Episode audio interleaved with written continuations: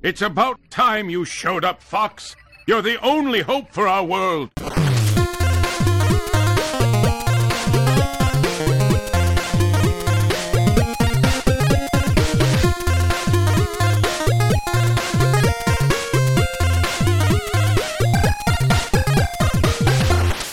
Welkom bij Buttonbashers aflevering nummer 60. De grote magische 6-0. En Steve, gooi hem er maar in. Het leven begint... Bij 60. Precies.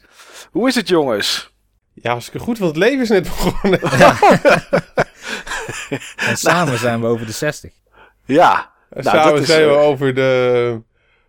eh, we gaan de richting 100. de 120, denk ik. Ja. Hè? 120. 3 keer 6 is toch 18? Zullen we overnieuw beginnen? Nou, nou, ik ben mooi dat... eh, ik ben mooi hoor, mij nou. Ik vind het mooi dat met jullie alles goed gaat. Niels, met jou ook alles ja, goed? zeker. Inmiddels wel. Wortelkanaalbehandeling gehad en nu gaat weer alles goed. Oh ja, die had jij hè? Ja, dat was stevig, eh, Niels. Ja, ik merkte het voor het eerst toen ik bij jou was, Steve. Toen, Daar heb ik eh, er weinig van gemerkt. Daar heb je weinig van laten merken ook. Ja, klopt. Maar je, dat kan zomaar iets zijn dat, eh, dat een dag of twee duurt en dan weer weg is. Maar dat was dus niet het geval. En eh, toen bleek, toen ik op de donderdag bij de tandartscontrole kwam, dat mijn zenuw aan het afsterven was. Oh, Nou, wordt, dat- wordt ook een aanbehandelingetje. Ja, gedurende het weekend heb ik dat gemerkt. Aan eh, niet slapen en dat soort dingen. En eh paracetamolletjes die niet meer helpen. Maar gelukkig, eh, wortelkanaalbehandeling is meteen die bevrijding van die zenuw die maar blijft, eh, blijft prikken. Ja, eh, jongen, ik heb zo'n angst voor de tandarts. Het is niet normaal. Het is niet, het- weet je, als ik naar de tandarts toe ga, weet ik gewoon of ik kom naar buiten met pijn in mijn smoel, Mhm. of ik heb een, een, een koude neus, omdat dan gaan ze verdoven en dat trekt altijd door naar mijn neus, of een vervolgafspraak. Een van die drie dingen, daar kom ik altijd, als ik bij de tandarts vandaan kom, kom ik daarmee weg. Ja, ik vind het verschrikkelijk. Al eens Nou ja. een wortelkanaalbehandeling gehad? Oh jee. Ja hoor. Ja. vaak genoeg. En dan eerst nood. Ja. Dan gaan ze hem eerst met nood opvullen. En dan heb je al een uur met je mond open gelegen. En dan kom je de volgende keer weer terug om het af te maken. En ik heb zelfs al een keer gehad dat eh, wat er in de wortelkanaal behandelde kies zat, er allemaal weer uit moest. En dat het weer opnieuw moest. Terwijl die al helemaal dicht zat. En dan zou je zeggen, dan voel je niks meer, want de wortel is eruit. Maar blijkbaar was die weer op gaan groeien. Of er zat nog een stukje in. Ik weet niet wat het allemaal was. Maar het was in ieder geval een verschrikking. Dus eh, ja. Tandarts, ik, eh, ja, ik ben er geen fan van, joh. Maar ja, waar we wel fan van zijn natuurlijk is games, jongens. En, en ja, Steve, Ja. jij bent eh, naar de Tonton Club XL geweest in de Amsterdam. Tonton Club geweest. Hoe was dat? Dat klinkt als een, eh, als een foute stripclub eh, als je het niet kent. Nou, Maar de eh, Tonton Club Excel, dat is een jaarlijks evenement van eh Tonton Club. Een arcadehal, of eigenlijk twee arcadehallen uit Amsterdam. zijn het er eh, twee? Inmiddels wel. Ze hebben ook een vaste locatie nu op de Westergasfabriek. Oh, oké, dat is Ja. nice. Want je Ja. zegt net stripclub, maar de, de echte Tonton Club, daar ben ik een keer geweest. En ja, als je daar naar buiten loopt en je loopt iets te hard door, dan ben je zo weer 50 euro kwijt, hè? Ja, ja, dus eh, Dat zit midden in de buurt der prostitutie. Wat, er van, wat er van over is natuurlijk. Maar de- was dit dan in de vaste Tonton Club die daar zit? Of is dit dan toch nog groter dan wat ze normaal nee, hebben? ik, ik zo zeggen, ik ben nog nooit in de vaste Tonton Club geweest in de Westergasfabriek. Maar dit is echt in een hal. Oké. In dezelfde hal waar het vorig jaar ook was, volgens mij. Hm. En je Ja. komt binnen, je trekt je jas uit en dan rennen. Prop- die prop je in een kluisje. Ja. En eh, de vorige keer was, ik, was het echt heel erg druk. Toen was ik op de zondagmiddag geweest. Toen was het echt heel erg druk. En nu waar, waar, was ik samen met Joey. Mhm. En we waren eh, een beetje aan het eind van de middag, begin van de avond. Op de zondag ook of op, de De zaterdag? zaterdag. ja. Het was echt heel rustig. Dat je denkt van, ehm, nou, dit, eh, dit moet het niet... eh, ze hebben het nu ook uitgespreid over twee weekends. Vorig, vorig jaar was het één weekend, nu was het twee weekends. Oké. Het was zo rustig dat ik dacht van, nou, hier worden ze vast niet blij van. Ik wel trouwens, want dan kon je tenminste overal bij. Ja, want Maar, Tonton eh, het- is, is zijn gewoon arcadekasten en flipperkasten, hè? Wat hebben we toen nog niet Arcadekasten, flipkasten Ja. en een beetje special event dingen. Eh, je, je kan er zeg maar op levensgroot formaat kun je de Jenga spelen. Oké. met een hoogwerker en grote, grote kartonnen blokken. En eh, ja, je had ook een beetje artsy game-achtige dingen hier en daar. Maar, eh, en een eh soort met van 3D-bril versie. Of niet een soort met van 3D-bril versie van Duck Hunt, maar een 3D-bril versie van Duck Hunt. Stond de wipkip van de Milder ook? Eh, nee, die heb ik niet gezien deze keer. Vorige keer ook niet trouwens. Gemiste kans van Tonton Club. Gemiste kans van Tonk Tonk Club. Ik denk wel dat het goed zou passen namelijk bij eh, wat ze doen. Zeker. Maar eh, ja, eh, het is in ieder geval een mooi event. En het werd ook echt naarmate de avond vorderde drukker en drukker. Oké. Met En- een ander soort publiek dan ik normaal gesproken op beurzen tegenkom. Oh, wat, wat is het verschil? Hipsters. Oh, jee, ja. Het was echt eh hipsterfeest. eh, ja, top 10 Die binnenlopen met baarden en met mutsen op. Is het dat, eh, dat soort Ook. dingen? ook. En hun, eh, en hun vriendinnetjes. Hun hipster vriendinnetjes. En eh, ook gewoon, ja, half links, Rot- half links Amsterdam was er wel te vinden hoor. Oké, nou.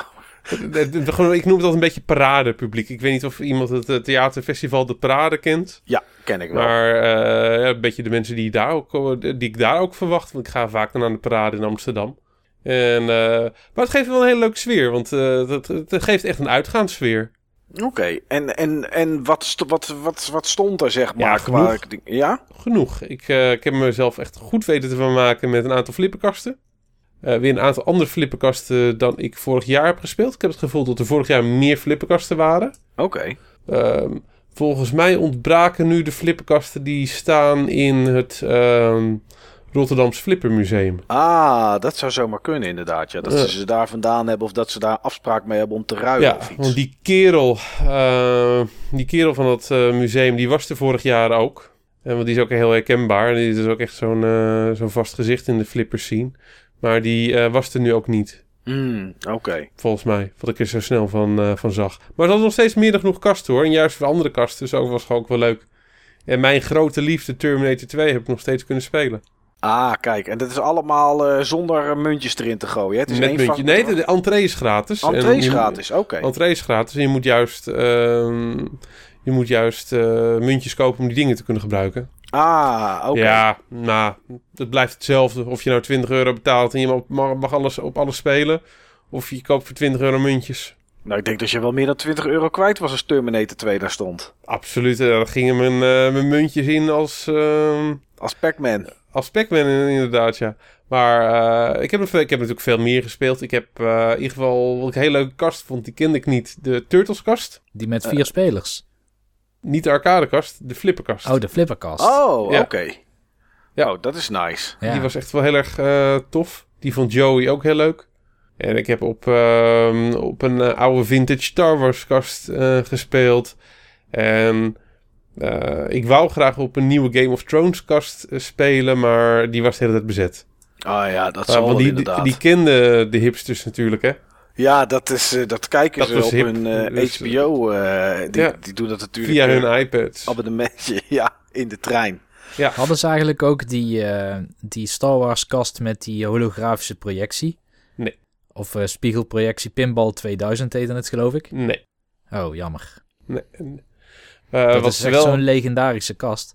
Ik, ik ken hem niet, maar ik ga hem wel opzoeken, want dat soort dingen vind ik cool. Ja. Maar wat ze wel hadden is, ze hadden wel zeg maar eh, een alien shooter, die ook via spiegelprojectie. Ja.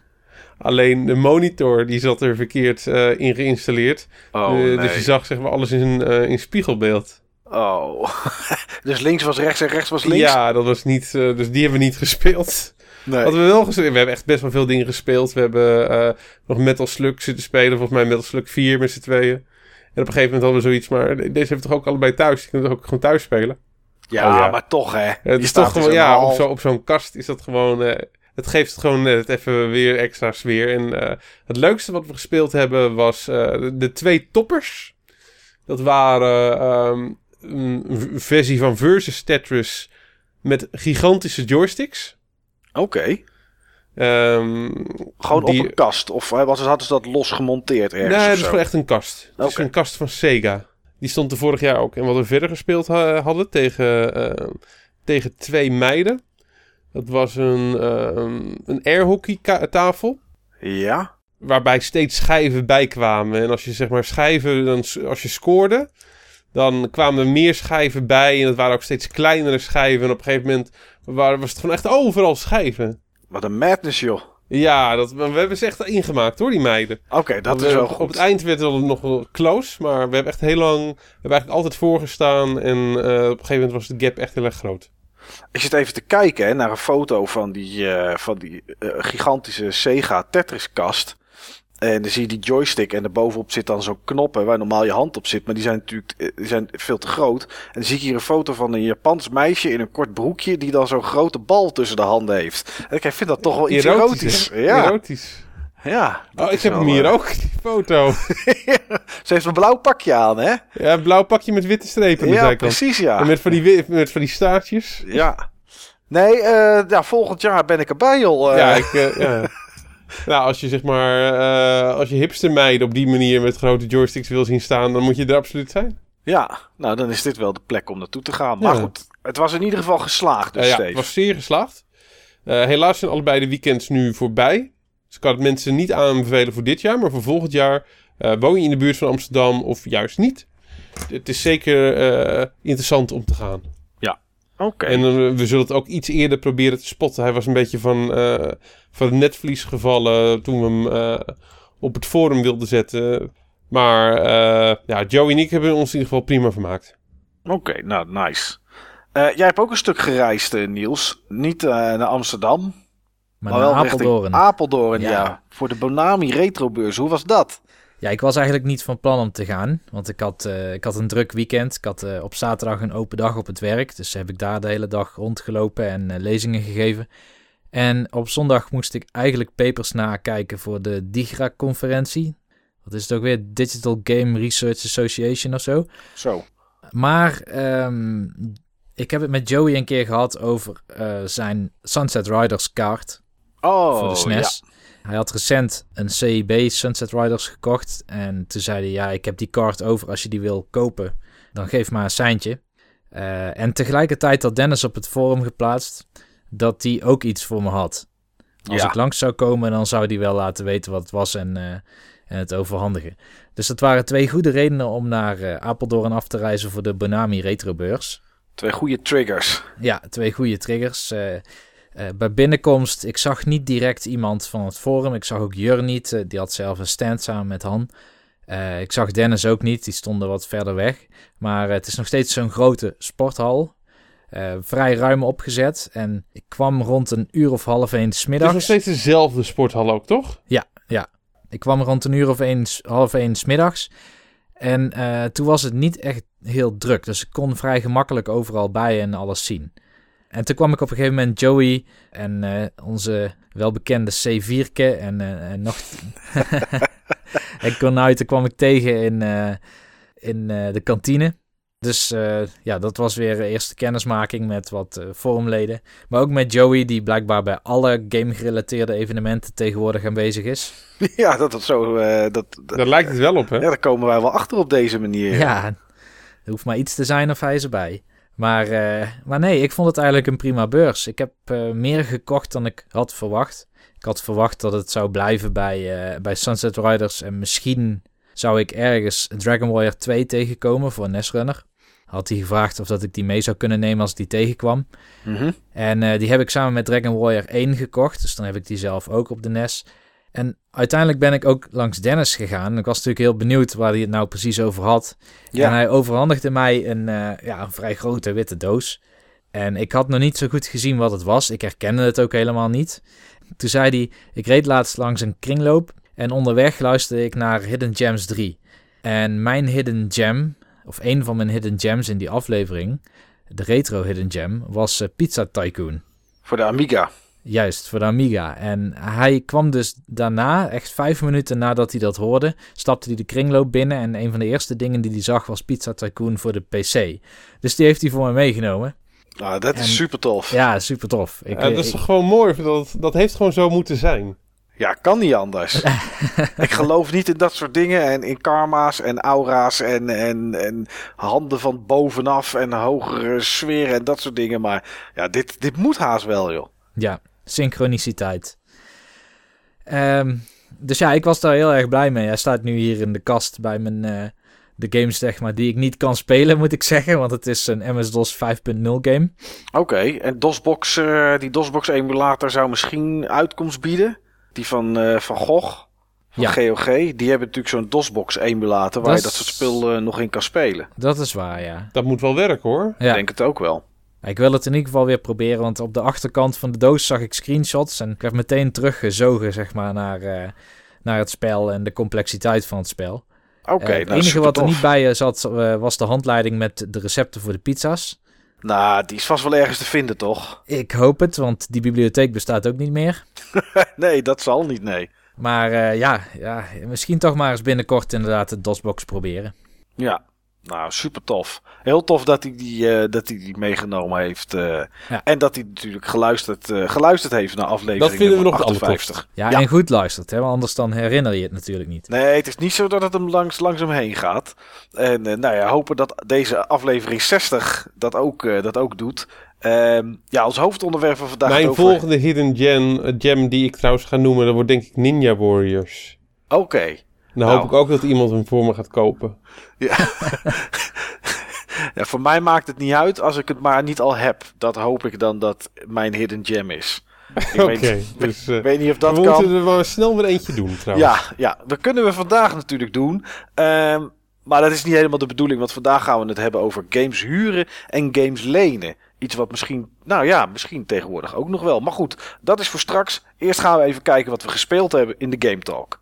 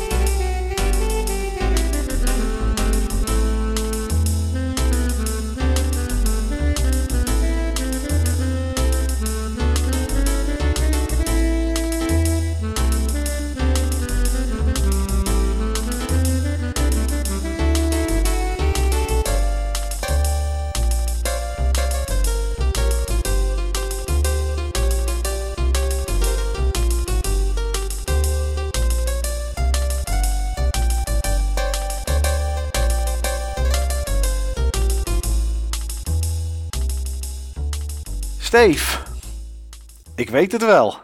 Ja, dat weet ik eh, dat je dat weet. En jij weet het ook. Ik weet het ook. Kom maar op.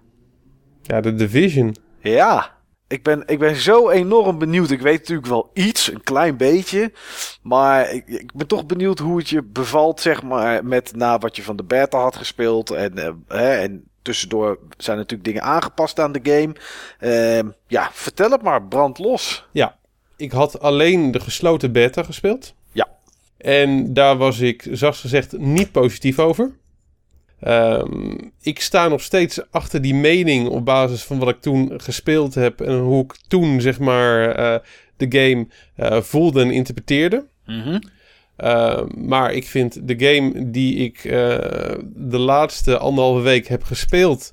En die ik zometeen op dat de uitzending is afgelopen ook weer ga spelen. Vind ik enorm tof. Oké, okay, dat is vind goed om te echt horen. heel tof. Ja. Ik vind tot, uh, tot de beta als demo van het spel geen goede indruk heeft achtergelaten. En geen goede beurt heeft gemaakt. Op mij dan althans. Ja. Uh, als ik kan dat ook naar... te maken hebben met de mindset waarmee je erin ging? Dat zei je de vorige Ja. keer, zeg maar. Ja, zeker, zeker, zeker. Um, toen ik het ging spelen, zat ik heel erg in de, uh, was ik heel erg zeg maar, in de mindset van een, een actiegame. Ja. Uh, het is geen actiegame. Het is absoluut gewoon geen action game. Het is een RPG. Ben ik niet helemaal met je eens, maar komen we zo wel op. Ja, ik, uh, ik vind het een uh, RPG met, uh, die verpakt is als, als action game. En die ook qua, qua gameplay echt toch wel echt eh, veel gedreven wordt door, uh, door standaardelementen van een, uh, van een RPG. Ja, En echt? ja, vind ik wel. Vind ik wel. En uh, ik vind ook dat die uh, eigenlijk eerder vergeleken moet worden met, um, met een Mass Effect of met een Diablo dan, maak je geen dan, reclame dan een mee, hè? Destiny. Sorry? Dan maak je geen reclame mee. nee, maar het is gewoon zo. Het is gewoon zo. Ja. Maar wat vind jij er dan zo RPG aan, Steven? Want... eh, Nee, vertel dat maar eens. Ja, wat vind jij er zo ja, RPG moet ik dat aan? zeggen? Ja, graag. Ja, de numbers game.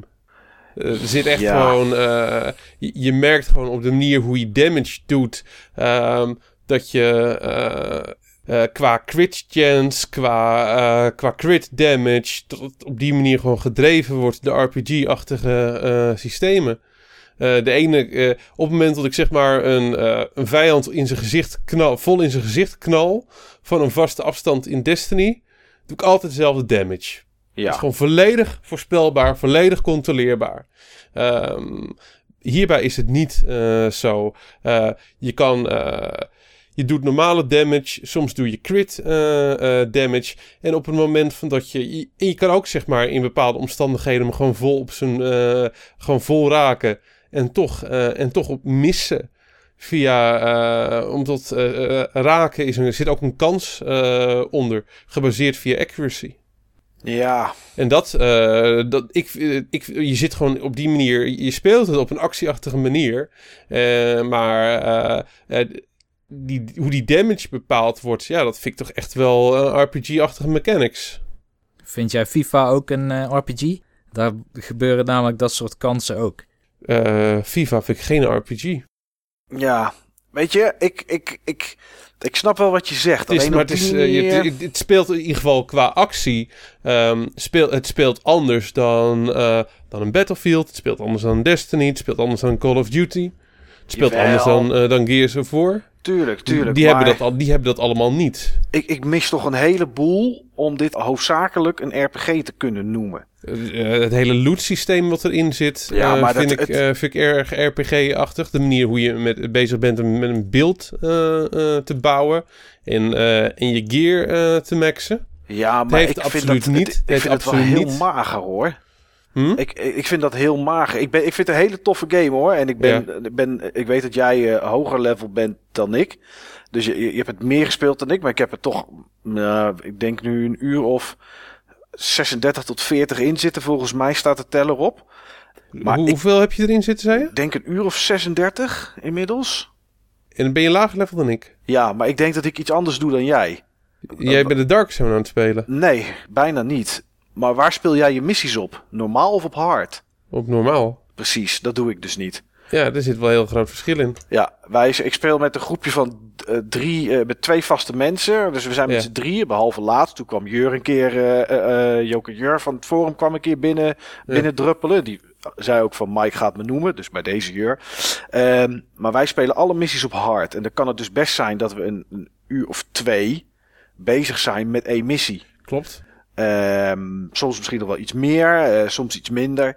En ehm, de, je krijgt er niet meer XP door, maar de loot is iets beter. Maar de uitdaging is gewoon. Ja, qua dan spel, wel. is het, qua spel is het wel leuker. Zeker als je ook in een vaste groep eh, speelt. Ja, want ik vind op Normal zich. kom je vrij, eh, kom je op het moment dat je zeg maar meelevelt met het niveau wat gevraagd is, kom je vrij makkelijk doorheen. Ja, ik vind het vrij makkelijk. Gisteren liep ik per ongeluk een missie in in mijn eentje. Ehm, voor level, minimaal level 22. Nou, dat was ik ook. En ja, ik liep er echt. Ik ging er eh, doorheen als een mes door warme boter. Dat was echt. eh, ik vond, vond het ja, veel te makkelijk. Maar ik vind de loot en zo, tuurlijk, het is er. En je gaat upgraden en je doet wat mods toepassen en je koopt wat nieuwe gear.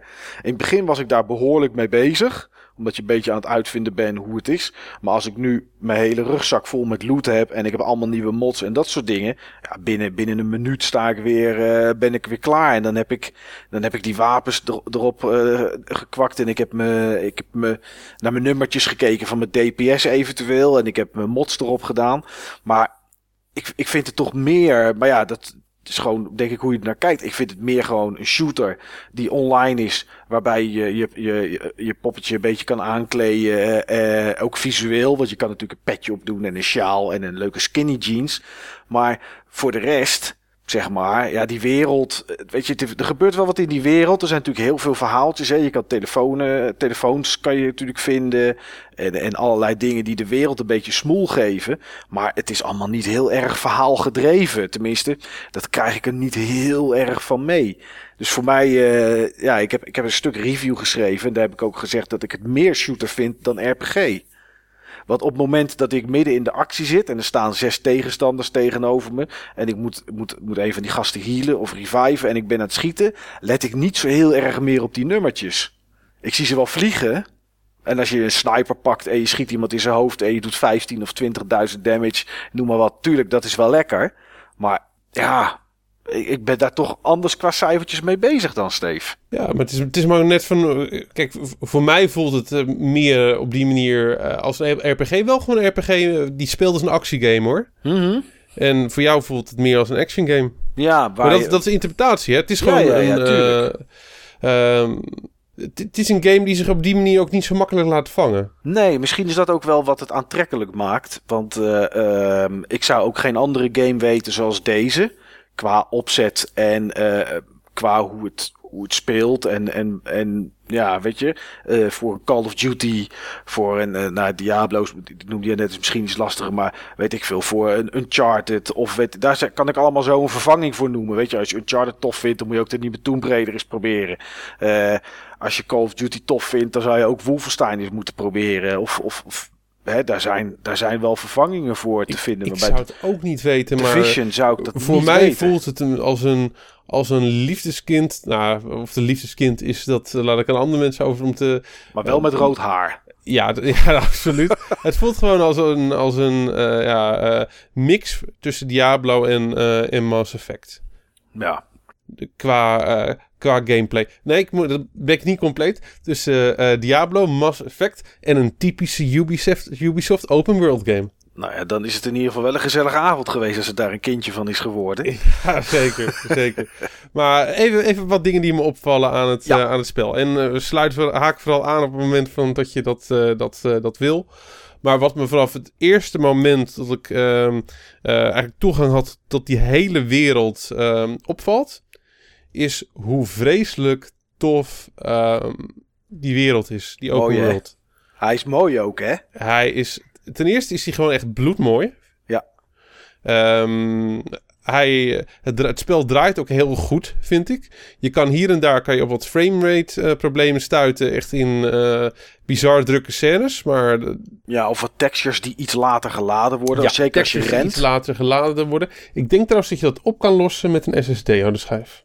Dat zou wel kunnen, inderdaad. Ja, Ik denk dat het is maar echt. Uh, het is kort en het is infrequent. Ik denk dat het op te lossen uh, is. Maar um, ja, die wereld die is echt gewoon enorm knap. Ja. Het, is, uh, het is gewoon New York. Ja, het, ja, je herkent echt plekken. Ja, je herkent echt plekken. En ik heb video's gezien. Uh, ik, heb ik heb comparison video's uh, gezien. Ze hebben echt gewoon geprobeerd om die stad na te maken.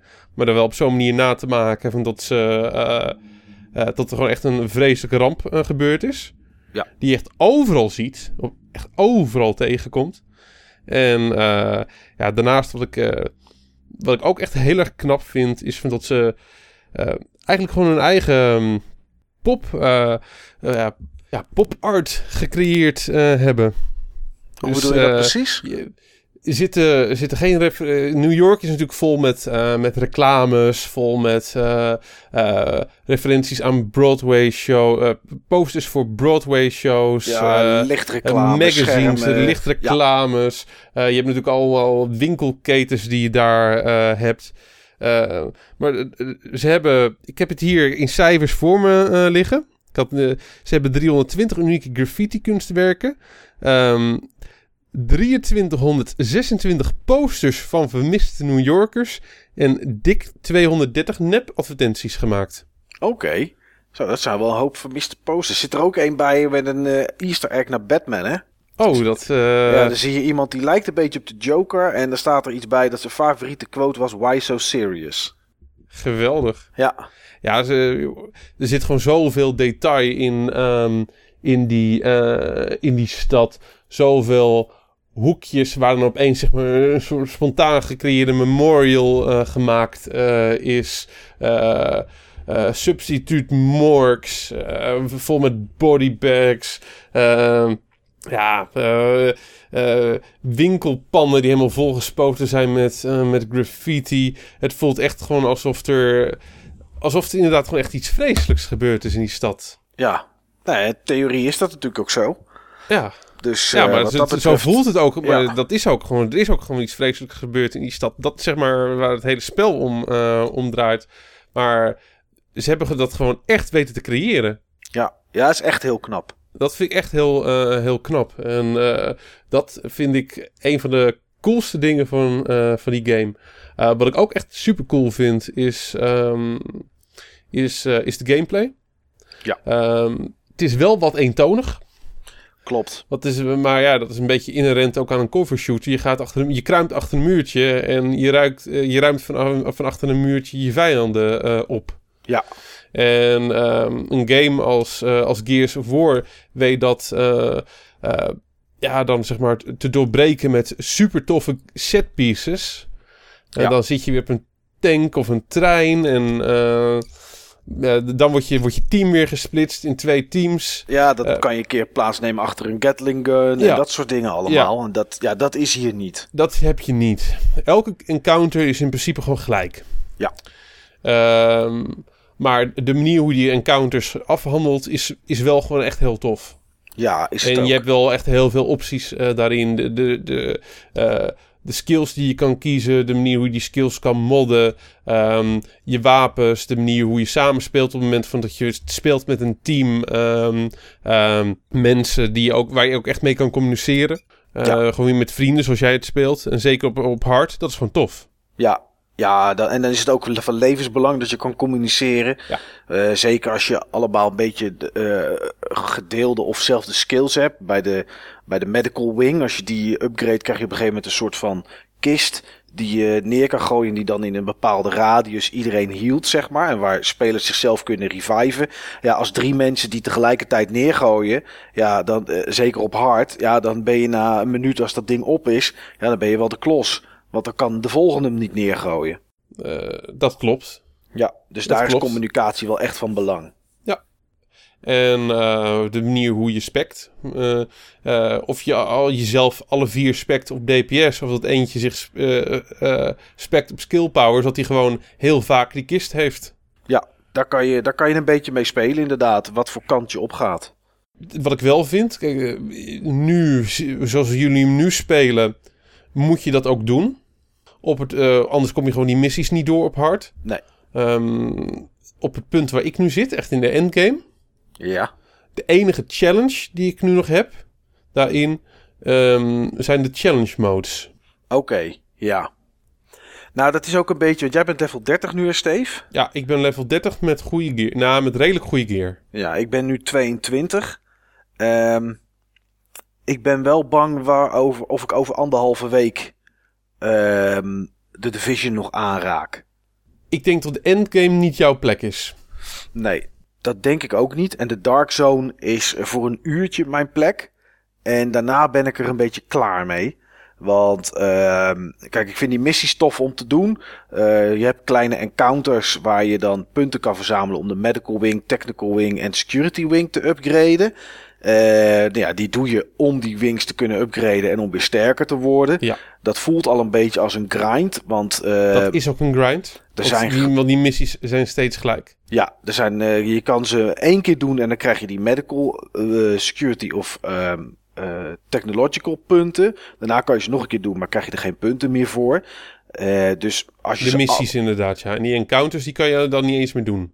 Al- eh, nee, encounters niet. En er zijn wel wat kleine, wat kleine missies die, daar dan, eh, die er dan ook nog zijn. Zoals hostetjes bevrijden of wat dan ook. Dat soort dingen, die kan je wel vaker doen. Maar daar krijg je dan die punten niet voor, alleen Nee. XP. Het is ook Dus- allemaal erg repetitief. Ja, en, en er is Het bijvoorbeeld- draait echt om die missies. Die missies die zijn echt gewoon tof. Ja. En- En, groot, vaak En ook van opzet. Echt groot inderdaad, ja. Ehm, een missie in de Division is gewoon drie missies in Destiny. Die missies die zijn echt wel. eh, het zijn echt multi-objective, multi-location eh, eh, missies. Je pakt echt een groot gebied mee. Je, je, voor een deel moet je ook backtracken, dan weer terug naar de exit soms ook. Nee, het is echt wel, het is echt wel heel erg tof. ja, door straten heen, van straten door naar gebouwen, met de lift weer naar beneden, naar buiten komen en dan aangevallen worden. Dat kan allemaal echt in één missie zitten. En dat is wel echt heel goed. Maar zodra die missies klaar zijn, ja, dan weet ik niet. Want die challenge modes, eh, Steve, waar jij dat nu aan zit, wat is het nut ervan? Nou, je hebt zeg maar op het moment dat je level 30 bent, dan kun je dailies eh, gaan spelen, daily missions. Het zijn eh, twee dailies op hard. En die zijn wat pittiger dan je. Dan zijn wat pit, die zeggen maar wat pittiger dan je nu gewend bent. Dan moet je gewoon nog beter samenspelen, maar met name gewoon betere gear hebben. Ja. Maar dat is gewoon. met de gear die ik nu heb, is dat gewoon goed te doen. Dan kan ik ook op matchmaken. ehm met strangers, dat is gewoon echt geen probleem. Oké. Maar daarnaast heb je de challenge eh, missie, de challenge mode. En die, die, dropt dan ook de beste loot. En eh, dat, dat is ook echt een challenge. Oké. Dat is gewoon eh, de missies, maar dan met nog meer vijanden. En ze, zijn, ze hebben allemaal, stuk voor stuk, armor. Allemaal geel. Oké. Dat is dan wel. Dus je kan er echt hele goede loot vandaan halen. Eh, je krijgt een, ge- eh, een, ge- ge- zo, je krijgt een gegarandeerde high-end set eh, piece. Eh, gear piece. Ja, dat is dan nog wel interessant om eventueel te doen voor in de Dark Zone. Of voor als er straks uitbreidingen komen. Maar ja, die zijn pas van de zomer. Ja, eerst komen er nog twee kleine uitbreidingen. Ja, klopt. Twee gratis Waaronder zeg uitbreidingen. maar een, eh, eentje met een raid. Ja, raid, Incursions noemen ze dat. Ja. ja, die raid is voor acht man als het goed is. ja. en er zijn nog eigenlijk totaal geen details van bekend, behalve dat het voor acht man is. Ja, het komt in, in mei volgens mij. April komt de eerste. Dat is volgens mij een andere, andere uitbreiding. En dan in mei dacht ik komt die. Ja. Mijn gevoel zegt dat deze game vrij snel mensen gaat verliezen op de endgame. Dat denk ik ook. Ik moet nog even een paar dingen zeggen. Ehm, die me gewoon opvielen aan het, eh, aan het spel. Om gewoon compleet eh, te zijn. Eh, ja, die sfeer heb ik het al echt over, heb ik het over gehad. Eh, gameplay heb ik het over gehad. Er is nog wel manier- één ding die bij sfeer hoort, Steven. Die heb je nog niet gezegd. En dat vind ik is? misschien het allergaafste aan de sfeer Die en aan de stad. Nee, dat is het weer. Oh, dat weer.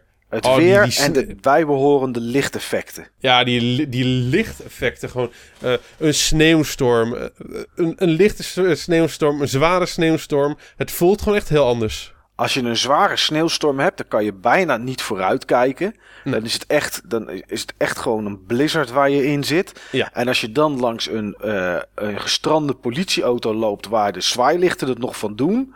Met dat rood en dat blauw wat dan Hoe zo dat er doorheen draait. komt, geweldig. Ja, dat is echt... eh, Niels, ik denk dat jij likkebaardend zou kijken naar hoe die lichteffecten zijn gemaakt. Ja, ik heb ze wel gezien. Ik ben er wel bekend mee met dat soort lichteffecten. Mooi hè?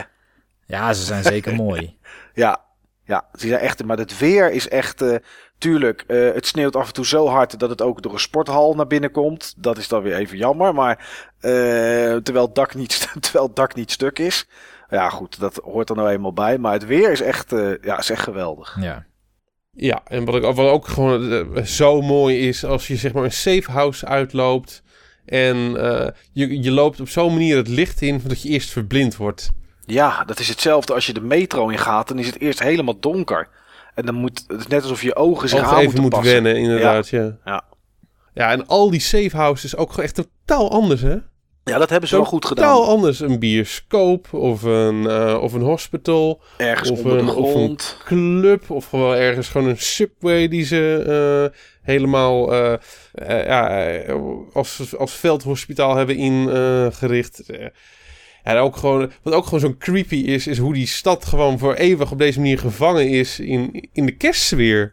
Ja. Ook gewoon die kerstsfeer.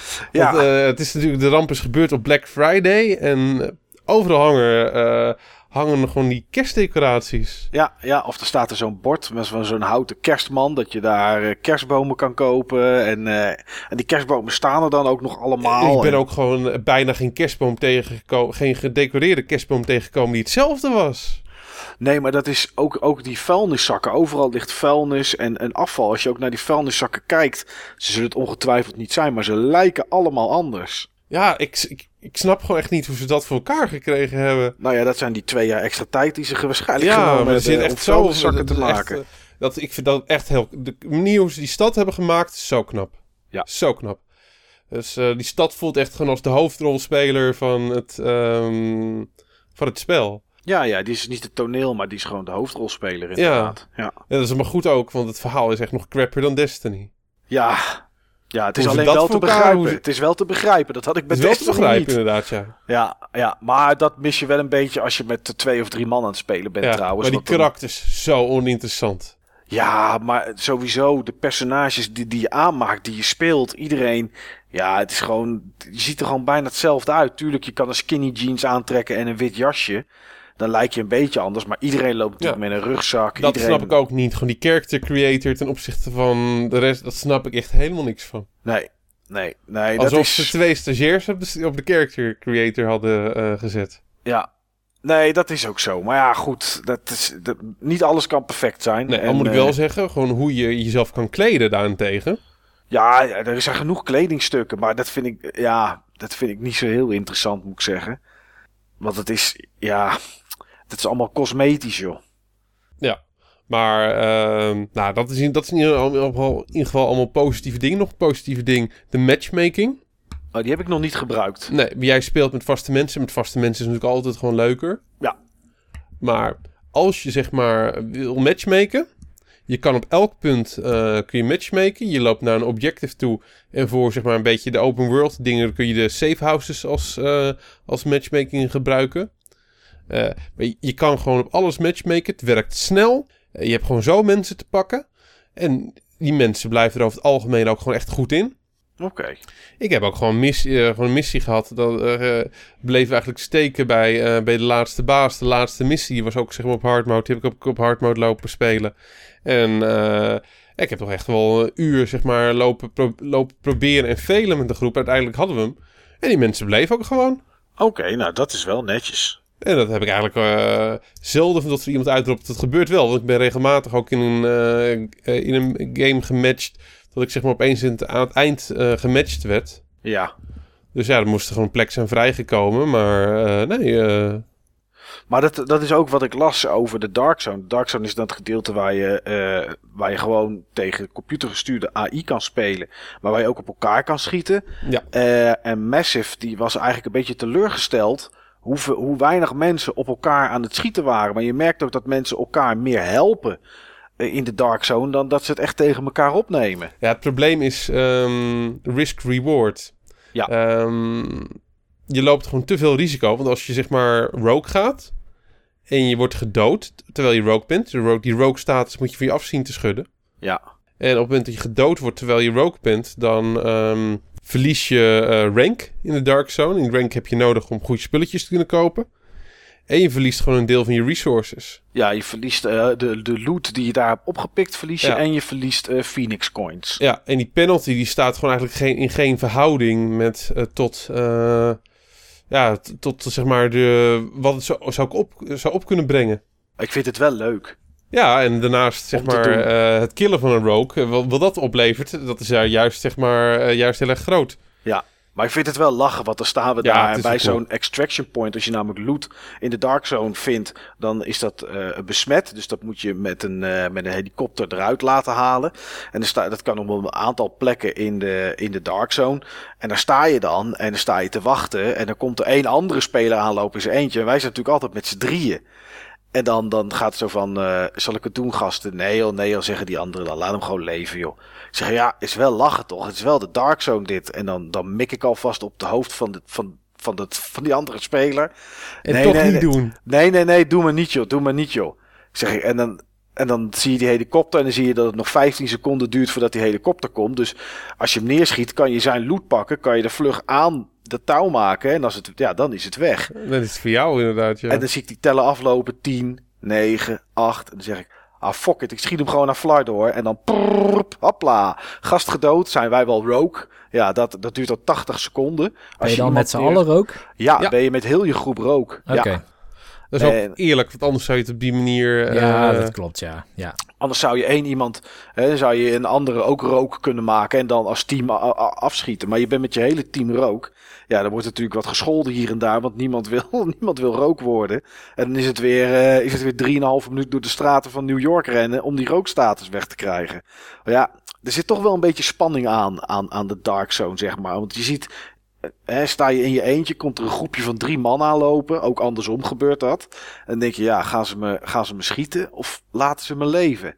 En dat is toch wel, er zit toch wel enige spanning in. Ik vind dat toch wel leuk. Ja. Ja. maar wat mijn vraag nog zou zijn, eh, waar ik heel benieuwd naar ben, is: eh, staan jullie ook wel eens in de rij voor een NPC? Nee, Nee, dat, is, dat hebben ze op dag één hebben ze dat eh, verholpen. ja. Ja, dat was inderdaad een probleem. In het begin moet je je aanmelden bij een laptop. Ehm, en, en als daar één iemand voor staat, en, en dan kan je er niet bij. En ik heb dat wel dat probleem gehad, hè. Dat ik die laptop wilde gebruiken. En het gebeurt nog wel eens. Dan, dan wil ik een kist wil ik looten. En dan druk ik op vierkantje om te looten. Komt een van mijn teammaten eraan. En die bok tegen me aan. Die doet mij opzij. En dan gaat hij hem zitten looten. Dus dat, het, het kan nog wel. Maar bij die laptop hebben ze opgelost. Want je hoeft die laptop geloof ik niet meer te gebruiken. Oké. Dus, eh, maar dat was inderdaad. eh, ik moest wel lachen om dat plaatje van iedereen die in de rij stond voor die laptop. Ja, ik moest er ook om lachen. Ja, ja zo Toen dacht ik nog, oh, oh, gaat het zo'n game eh, worden? Echt gewoon buggy as hell. Ja, mensen die voor de deur gingen staan ook, hè? Kon je de deur niet uit. Ja, maar dat, joh, ze hebben echt wel een goed dag één team ook op die game eh, gehad. Dat Ze was moesten allemaal heel snel wel. gefixt. Dus, en de best verkopende nieuwe IP binnen in de eerste week ooit, hè? Ja, maar het is, joh, het is een. Ik kan me niet herinneren dat we met z'n tweeën. Ja, sorry Niels. Maar dat we gewoon met z'n tweeën zo lang over één game hebben eh, gehad. die we ook samen aan het spelen waren. Nee, dat komt omdat eh, meestal ja, spelen we. Of als, we als, iedereen, als iemand van ons drie een game speelt die de ander ook heeft gespeeld, is dat in een ander tijdsbestek, zeg maar, op een ander tijdvlak. En ehm, eh, ja, dit is. Ja, ik heb het op dag 1 gekocht natuurlijk. Jij ook volgens mij, Steve. Ja, Of ik heb, dag op, ik heb hem op, vanaf dag twee had ik hem. Ja. En eh, ja, ik ben ook direct begonnen met spelen. Ja, dus eh, ja, we zijn een beetje gelijk opgetrokken, zeg maar, wat dat betreft. Huh. Ja. Maar wat grappig is, eh, ik had dus zeg maar op verschillende plekken had ik gelezen en op YouTube gehoord van dat je in ongeveer 35 uur kon je level 30 worden. ja. En ik deed er 35 uur en 5 minuten over. Oh, dat is wel heel netjes. Ja, Ja, dat, Ja, heb, je dan mooi, eh, dat heb je dan mooi gedaan, inderdaad. Ja, eh, leuke game. Echt eh leuke game. Denk niet dat ik het over een maand nog speel. Dan denk ik dat ik er wel klaar mee ben. ja Maar- nou, misschien met die, met die expansions dan. Ja, maar ik heb nog Als je geen een leuk groepje hebt, kan ik me voorstellen of dat je dan wel weer ingetrokken wordt. Ja, even kijken wat voor extra content het biedt eh, in, in de zomer. De meest interessante is volgens mij pas eind van het jaar. Want het is iets met, eh, met Statue of Liberty en weet ik wat allemaal. Tenminste, wat, wat ik nu gezien heb. Maar ja, goed, dat is, dat is nog eventjes afwachten wat dat gaat doen. Is er voor, voor de rest nog iets dat je denkt, ik heb nog iets kleins wat ik even uit wil lichten? Aan een, aan een andere game die je gespeeld hebt of iets, eh Steve? Nee, ik heb wel genoeg gepraat. Nou, ja, dan, eh, dan is eigenlijk het woord aan jou, Niels. Maar omdat ik nu eh, zo lekker erin zit Ja. en ik best wel ook over deze game heb meegepraat, wil ik even één hele kleine andere game aantippen. En dan is daarna is het voor jou. Ehm, dit is een game en ik moet, moet van tevoren erbij zeggen dat ik hem niet zelf heb gekocht. Ik heb hem ook niet gekregen te review. Maar ik, wil- ik, ja, ik wil toch even laten weten dat ik niet zelf hier geld aan uit heb gegeven. En dat ook geen keuze was van mij om deze game te krijgen en dan wel te spelen. Nou, Ehm, ik heb hem gewonnen op Twitch. Ik was ergens eh, in een of ander... Twitch. Op Twitch was een of ander kanaal van, eh, van wat bekenden. En die deden een soort van prijsvraagje iets. En ik riep maar wat. En wat ik maar riep, dat bleek toevallig het juiste te zijn. En toen eh, won ik eh, Steam te goed voor 25 euro. Nou, het zijn bekenden van mij. En ik zeg, joh, weet je, koop er lekker cola voor of chips. Ik hoef het niet. En zei hij van, ja, nee, dat kan ik niet doen. Eh, kies maar iets uit. Ik zeg, ik wil het echt niet. Wat, hou je geld lekker in je zak. Dat kan mij het schelen. Dan kies ik een game, zei die gast. Ik zeg, nou ja, ik zeg, prima. Ik zeg, als je dat wil doen, dan moet je dat doen. Ik kreeg een game van 1,99 euro. Ehm, het is een indie game. Het ziet er ook grafisch zo uit. En het heet Shower with Your Dad Simulator 2015. Do you still shower with your dad? oh, die Het heb ik ook gespeeld. Het Ja. vervolg op Shower with Your Dad Simulator. Ja, heb jij die ook gespeeld, Niels? ja. toen ik het filmpje zag, toen dacht ik, dit moet ik een keer doen. Ja, ken jij het, Steve? Ja, ja, ja. ik, eh, het is echt een van de meest foute game titels die ik ooit, zeg maar, ja, eh, heb voorbij zien komen. Ja, ik kende het niet. Wrong het dad, is- wrong dad. Ja, het is, het, het is heel simpel. Je kiest of je een, eh, een normale donkerharige jongen bent. Je kiest of je een, een negerjongetje bent. Of je kiest of je een roodharige bent met daarbij een blonde vader. En als de game, eh, er zit een aantal modes in, maar de, ja, de, de, de standaard mode is eigenlijk het leukst om te spelen. Ja, je ziet dan eh, drie vaders onder de douche staan in, in vol ornaat. Eh, en jij moet naar je juiste vader toe lopen. En daar heb je tijd voor. En eh, ja, die tijd bouwt zich op als je het snel doet. Dan heb je wat langer per, per ronde om te kijken. En op een gegeven moment komen er plasjes met water op de vloer, zodat je uitglijdt. Of stukken zeep die je kan gebruiken. Een scheermesje, een rubber eentje. Er komt eigenlijk van alles bij. En eigenlijk is de bedoeling om met je pijltjes toetsen zo snel mogelijk bij je eigen vader te komen. En eh, ja, meer is het niet. Ja, er zijn wat andere modes. Nog een soort Flappy Bird-achtig iets. En eh, ja, goed, die vind ik niet zo interessant. Dit is ook niet zo heel erg interessant. Maar ik Het moest, er toch heel wel grappig. ik moest er toch wel om lachen. Ja, Maar er zit één ding aan, eh, Niels. En dat vond ik, vond ik eigenlijk een beetje minder aan die game. Er werd namelijk een paar gevraagd met welk jongetje heb je gespeeld. En eh, of ik met het donkere jongetje had gespeeld. Of, of de blanke met donker haar of met het rode haar. ja. Toen zeiden ze toch wel, toch wel met het negerventje. Toen zei ik nee, want de piemels van de vaders zijn allemaal even lang. En ik vond dat niet realistisch. Ik had die van de, van de donkere vader had ik eigenlijk langer verwacht. Is, dat heel raar? Is dat jou niet opgevallen? nee, dat is mij eigenlijk niet opgevallen. Nee. Oh, dat is eigenlijk het, dat is het eerste waar ik naar keek. maar goed, het is, eh, het is ja, goed. Shower with Your Dad Simulator 2015. Als je het ooit een keer, eh, ooit een keer achter YouTube zit, eh, beste luisteraars, en, en je verveelt je of je denkt, wat is dit voor onzin? Ja, bekijk het even. Ready Leather Scrub. Ja, precies. Het is, ja, het is, het is ja, wel dat, grappig. dat Wrong Dad, dat is gewoon hilarisch. Ja, ja, het rood, oh, verkeerde vader. Nou ja, anderen maar scrubben. Ja, het, het is best fout. Maar goed, ik wilde hem gewoon eventjes genoemd hebben. Niels, Ja, heb jij nog iets leuks gespeeld? ik heb, eh, ja, ik heb twee titels gespeeld waar jullie denk ik niet over mee kunnen praten. Oh, nou pas op hè. Ja, nou ja. Ik denk dat dat deze keer wel mag. maar ik, Mag, al, mag altijd hoor, maar eh, ik wil er nog eentje even snel formeel afronden. ja. En eh, dat is eh, Fire Emblem Awakening. Ik heb natuurlijk al gezegd dat ik die had uitgespeeld, eh, volgens mij in de vorige podcast. Mhm. Ehm, maar hier moet ik toch even aan Steve vragen of dat ik daar nou uniek in ben. Of dat dat een ding is wat bij mij bij elke Fire Emblem en bij iedereen overkomt. Dat zo'n laatste missie, dat daar ongeveer iedereen afgaat. Behalve de twee karakters die het moeten overleven. Nee, ik, had, eh, ik heb hem eh, uit kunnen spelen dat mijn hele team levend was. Je hele team levend was. Oké. Ja, dat is voor mij een, eh, een goal. Ja. Nee, dat, dat is zeg maar mijn Fire Emblem eh, OCD. Mijn complete team moet gewoon nog levend zijn aan het eind. Maar dan heb je best wel veel eh, moeten levelen met die karakters. toch? Ja, dat klopt. Dat klopt. Ja, bij mij is het gewoon één. Het is ook zo mega episch. Ehm, volgens mij zweet ik zelfs fysiek tijdens zo'n laatste Fire Emblem missie. Want het komt allemaal zo nauw. Eh, in deze Fire Emblem wordt, ook, wordt je ook als speler geïnstrueerd dat je een keuze hebt hoe je het haalt. En daarbij zijn eh, twee karakters zijn daar cruciaal voor bij die keuze. En eh, ik heb volgens mij de missie twee keer gespeeld. De eerste keer heb ik hem moeten resetten. Want ik realiseerde me dat ik een grote fout had gemaakt. Maar de tweede keer, eh, ja, echt heel mijn team ging af. Ik- elke zet die ik deed, moest ik iemand opofferen en zo neerzetten dat ik wist dat alle AI erop af zou komen, zodat ik met de twee karakters waar ik het spel mee moest halen, dat ik daarmee door kon sprinten naar de eindbaas. Want het is een vrij lang gerekt level en je wordt van alle kanten de hele tijd aangevallen door verschrikkelijk veel units. Maar ja, ik, ik vond het zo episch. Ik moest heel eventjes checken of dat dit eh, jou ook overkomen was. Maar jij komt beter voorbereid zo'n laatste level in. Denk het wel. Ja, ja. Bij deze Fire Emblem wel.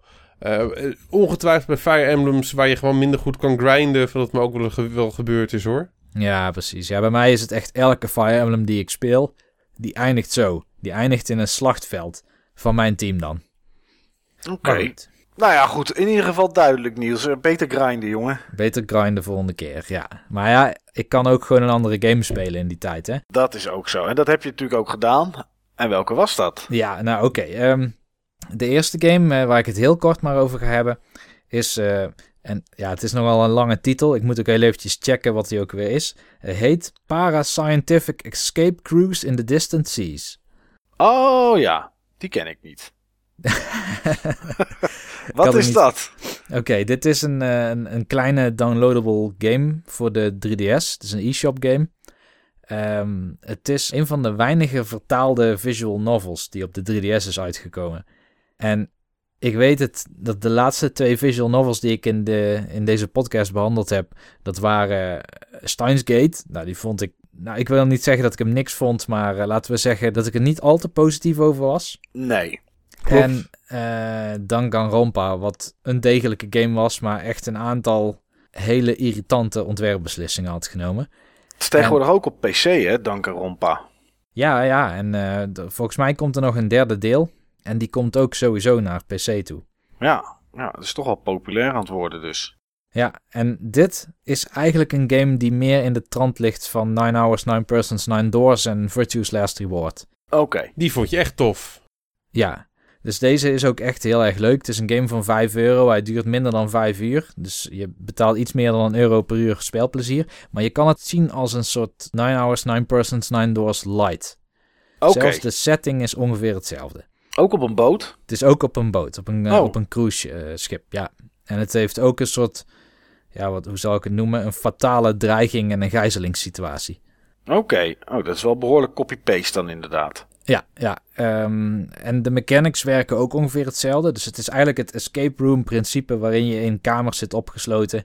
En je moet jezelf een weg eruit puzzelen.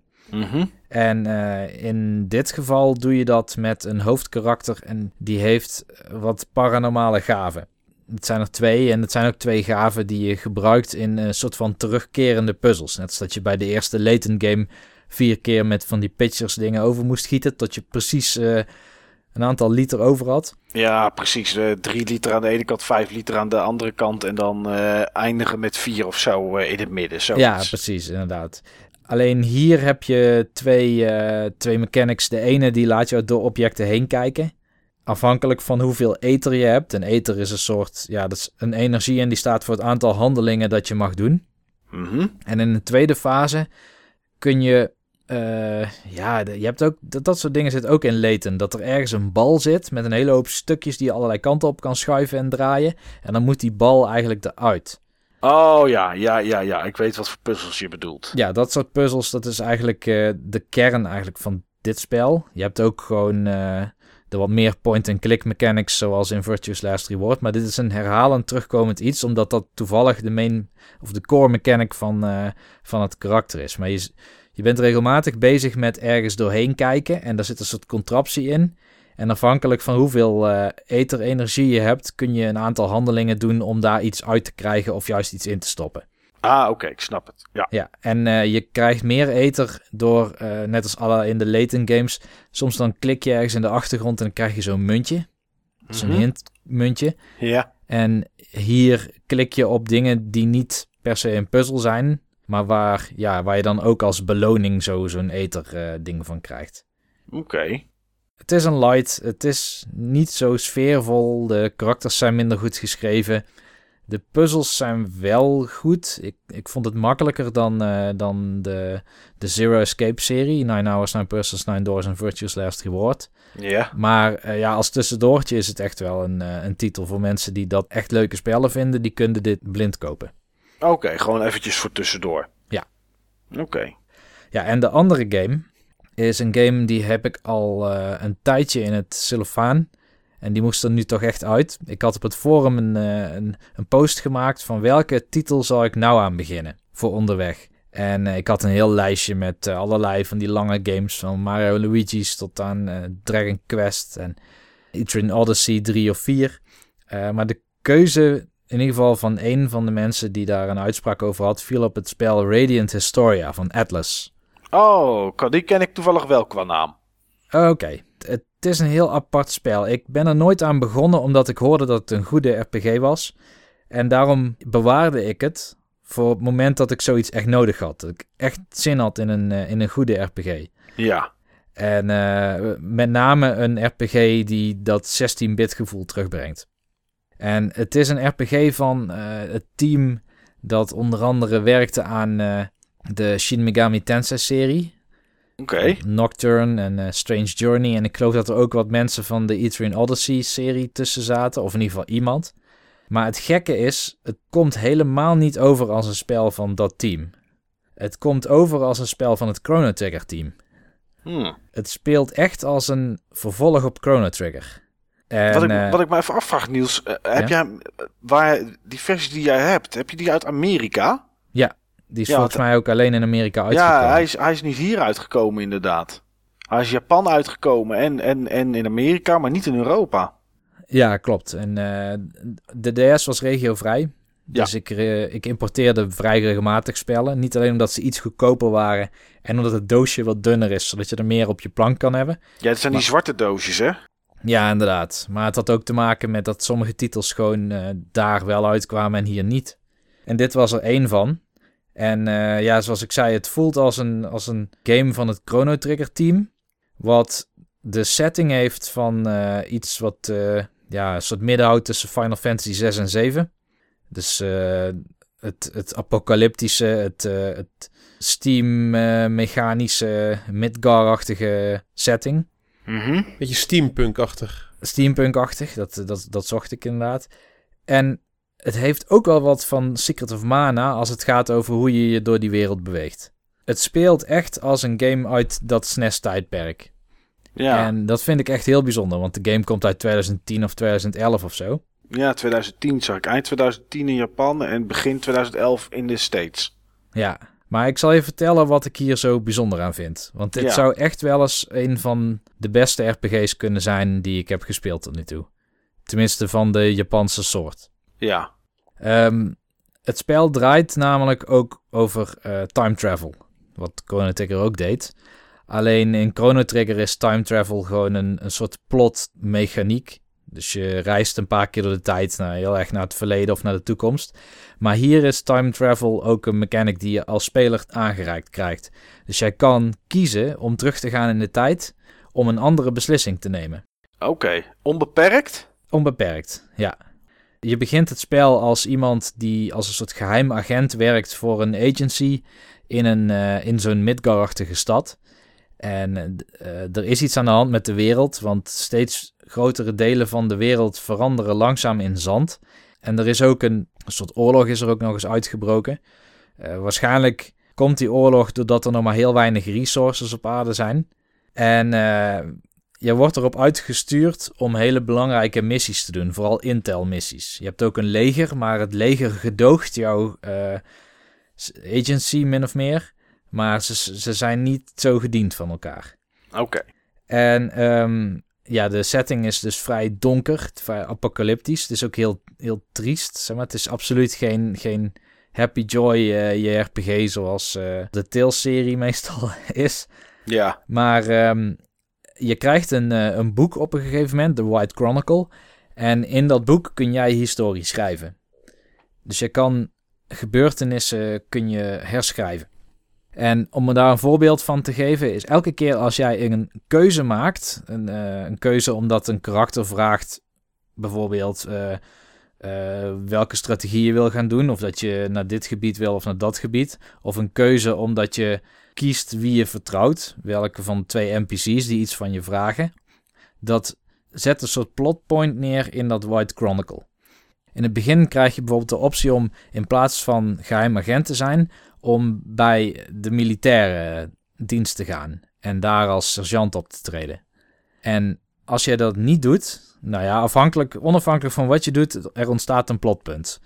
Maar ik besloot bijvoorbeeld om, uh, om bij die militairen te gaan, want degene onder wie je komt te zitten, de, je leidinggevende, is een oude vriend van je waarmee je ooit eerder in dienst bent geweest. Oké. Nou, en op een gegeven moment liep ik in deze verhaallijn vast. En ook letterlijk dat je een game over screen krijgt, wat je niet zo vaak ziet in een, uh, in een RPG. Nee, ja, Eh, behalve als je verliest in een battle. Behalve als je verliest in een battle. Maar dit was echt een, een, een narratieve vector. Of dit was in ieder geval een plotpunt. Ja. De reden overigens dat ik afging was omdat ik in een missie naar een grot werd gestuurd waar, eh, waar een ingang open gebroken had moeten worden met explosieven. Maar het blijkt dat degene die de explosieven moest brengen, dat die omgelegd was door een aantal huurmoordenaars. Oh, dan lukt dat niet meer. Dan lukt dat niet meer inderdaad. Maar wat je dus kan doen, is dat je teruggaat naar het punt waarop je de beslissing kan nemen of dat je bij die, of dat je bij die geheime dienst blijft, of dat je bij eh, de militairen gaat.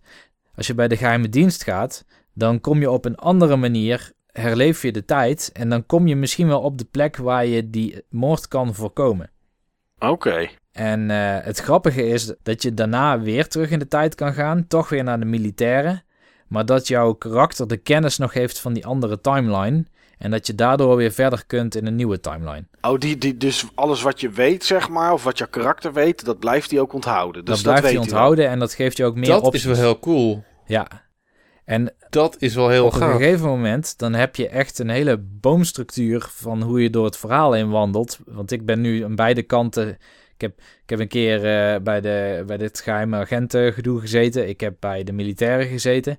En dan ook in die vertakking komen weer van die plotpunten waar je weer keuzes kan gaan maken. Het is een beetje Groundhog Day of de source code. Inderdaad. Edge of Tomorrow heb ik toevallig dit weekend gezien. Edge of Tomorrow, ja. Tomorrow inderdaad. Ja. Oké, maar is het niet, eh, voelt het dan als je dat, je, je hebt die kant gekozen, je gaat op een gegeven moment game over, want ja, het verhaal kan niet verder. Dan ga je terug, dan voelt het waarschijnlijk omdat je karakter, je personage al die info nog weet, voelt het niet aan als een soort verloren tijd, of wel? Nee, Want je nee. hebt natuurlijk tijd zitten steken, misschien drie, vier uur zitten spelen. Op, op een punt waarvan de game eigenlijk je had, had kunnen vertellen: jongens, dit, dit heeft niet zoveel nut. Mhm. Die ga je toch kapot. Nee, inderdaad. Nee, het voelt alsof, het, eh, alsof alles betekenisvol is geweest. Ook de verkeerde keuzes die je in het verleden hebt gemaakt. Ja, precies. En wat ik dan ook bijzonder knap vind aan deze game, en dat doen heel weinig games in dit genre goed, is dat het eigenlijk semi-lineair of bijna non-lineair is. Want het maakt niet zo heel veel uit eh, welke missies je eerst doet en welke later. Of in ieder geval welke verhaallijn je eerst doet en welke later. Hmm. Uiteindelijk komt het vast wel weer ergens samen. Ik zou bijvoorbeeld naar een hele parallele tijdlijn kunnen gaan. En daar uren een aantal quests in doen en sidequests in doen. Voordat ik weer terug ga naar de questline waar ik nu in zit. Blijf je ook hetzelfde level? Of zakt dat weer terug? Jawel, je blijft wel hetzelfde level. Ja. Oké, oké. Het is dus echt terug in tijd. Het is niet de game terugspoelen. Het is terug in tijd, maar niet terugspoelen inderdaad. Precies, En, eh. Dat is nog één ding wat ik wilde toelichten, het battle Eh, je loopt, zoals ik zei, à la Secret of Mana over de map heen. En je kan dan ook met, eh, met I met je zwaard slaan. Eh, maar dat is niet meteen damage doen. Je kan de vijand stunnen voordat je naar een meer wat traditioneel turn-based battle systeem overgaat. En een beetje net zoals in die Mario en Luigi games of in Paper Mario. Dat je eerst een vijand met de hamer kan raken, zodat je met een, eh, met een voordeel de strijd ingaat. Ja, dat jij de eerste bent die mag attacken bijvoorbeeld. Ja, inderdaad. En hier heb je een party van eh, tot nu toe altijd drie. Ik denk ook dat het drie blijft. Ik weet niet of dat het ooit een party wordt van vier. In ieder geval drie actieve spelers. En tegenover je staat een, eh, een soort grid van negen vakjes. En de vijanden bewegen over dat grid en die vallen je aan. En als ze dicht bij je staan, doen ze meer damage dan ver weg. En jij doet ook volgens mij meer damage aan vijanden die dichtbij staan dan vijanden die ver weg staan. En wat wel interessant is in het battle systeem is dat je ook vijanden kan duwen naar een ander vakje. Waardoor er bijvoorbeeld twee of drie vijanden op één vakje komen te staan en dat je die alle drie tegelijk raakt. En, Oh, zo. Ja, ik snap wat je bedoelt. en dan heeft het ook nog iets wat een klein beetje lijkt op eh, wat Bravely Default doet. Want in Bravely Default kun je jouw beurt uitstellen of een toekomstige beurt alvast uitvoeren. Waardoor je later in het battle een, eh, een, ja, een soort penalty krijgt of zo. Of in ieder geval Ja, een beurt moet Of wachten. eigenlijk dat je beurt dan gewoon geskipt wordt. Ja, En vaak ook met meer eh, dat je dan ook zeg maar een beurt extra moet skippen. ja, dat zit Het, hier eh, eigenlijk het ook in. Brave and Default systeem. Zoiets zit hier ook in. Dus jij kan jouw positie in de, in de queue, zeg maar, wijzigen. Normaal zou je een initiative hebben in eh, RPG's. En hoe hoger of lager het initiative, des te eerder of later ben je aan de beurt in, in zo'n battle. Alleen hier kun je jouw initiative wijzigen. Waardoor jij een in een bepaalde volgorde jouw partymembers eh achter elkaar een actie uit kan laten voeren. En daarmee ook combo's kan laten maken. Dus er Interessant. zit van alles in. Ja, Ja. het is echt een hele, hele goede game. Hmm. Klinkt wel interessant. Ja, ik heb nog eh, voor, voor 600 jaar aan games liggen. Dus wat dat betreft. eh, maar ja, ik heb net even zitten kijken. Ik kan hem over laten komen, inderdaad, vanuit Amerika voor, voor 30 euro inclusief verzendkosten. Ja. En dan, eh, dan, dan heb je hem, zeg maar. Dat klinkt wel interessant. Hij is ooit opnieuw gedrukt, hè? want ik heb hem ook ooit gekocht omdat ik toen dacht dat hij in een hele kleine oplage verscheen. Dat was ook zo. Ja, En eh, die werd meteen gescalpt en zo door heel veel mensen en meteen voor 100 zoveel euro weer online gezet. ja, ja, ja. Maar toen heeft Atlas gewoon een tweede printrun gedaan, gelukkig. Slim. Ja. Slim. En ja. daardoor is de prijs toch weer gezakt daarna.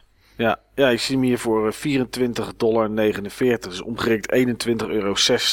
Ja, En voor eh, 8,85 euro verschepen ze hem eh, uit de States. Dus voor nog geen 30 euro kan je hem, eh, kan je hem binnen hebben. ja voor fans van, eh, van Final Fantasy 4, 5, 6 en Chrono Trigger en dat soort games is dit wel echt, wat mij betreft, een must-have. Oké. Ja, misschien moet ik hem eens kopen, Niels. En het is super cheesy wat ik nu ga zeggen. Ja, Maar ik zou hem ook een keer van je kunnen lenen. ja nee, ja, prima. En dat is natuurlijk waar ons hoofdonderwerp over gaat. Ja, je had hem nog niet door, hè? nee. Ja, ik voelde hem al aankomen hoor. Ja. ja, we gaan het hebben over games lenen of games huren. En eh, ja, we, we hebben nu zoveel zitten kletsen dat we misschien even wat te drinken moeten pakken, jongens. En dan eh, gaan we eens induiken in eh, ja, misschien wel de historie van hoe wij vroeger games leenden of huurden. Maar dat doen we na dit muziekje.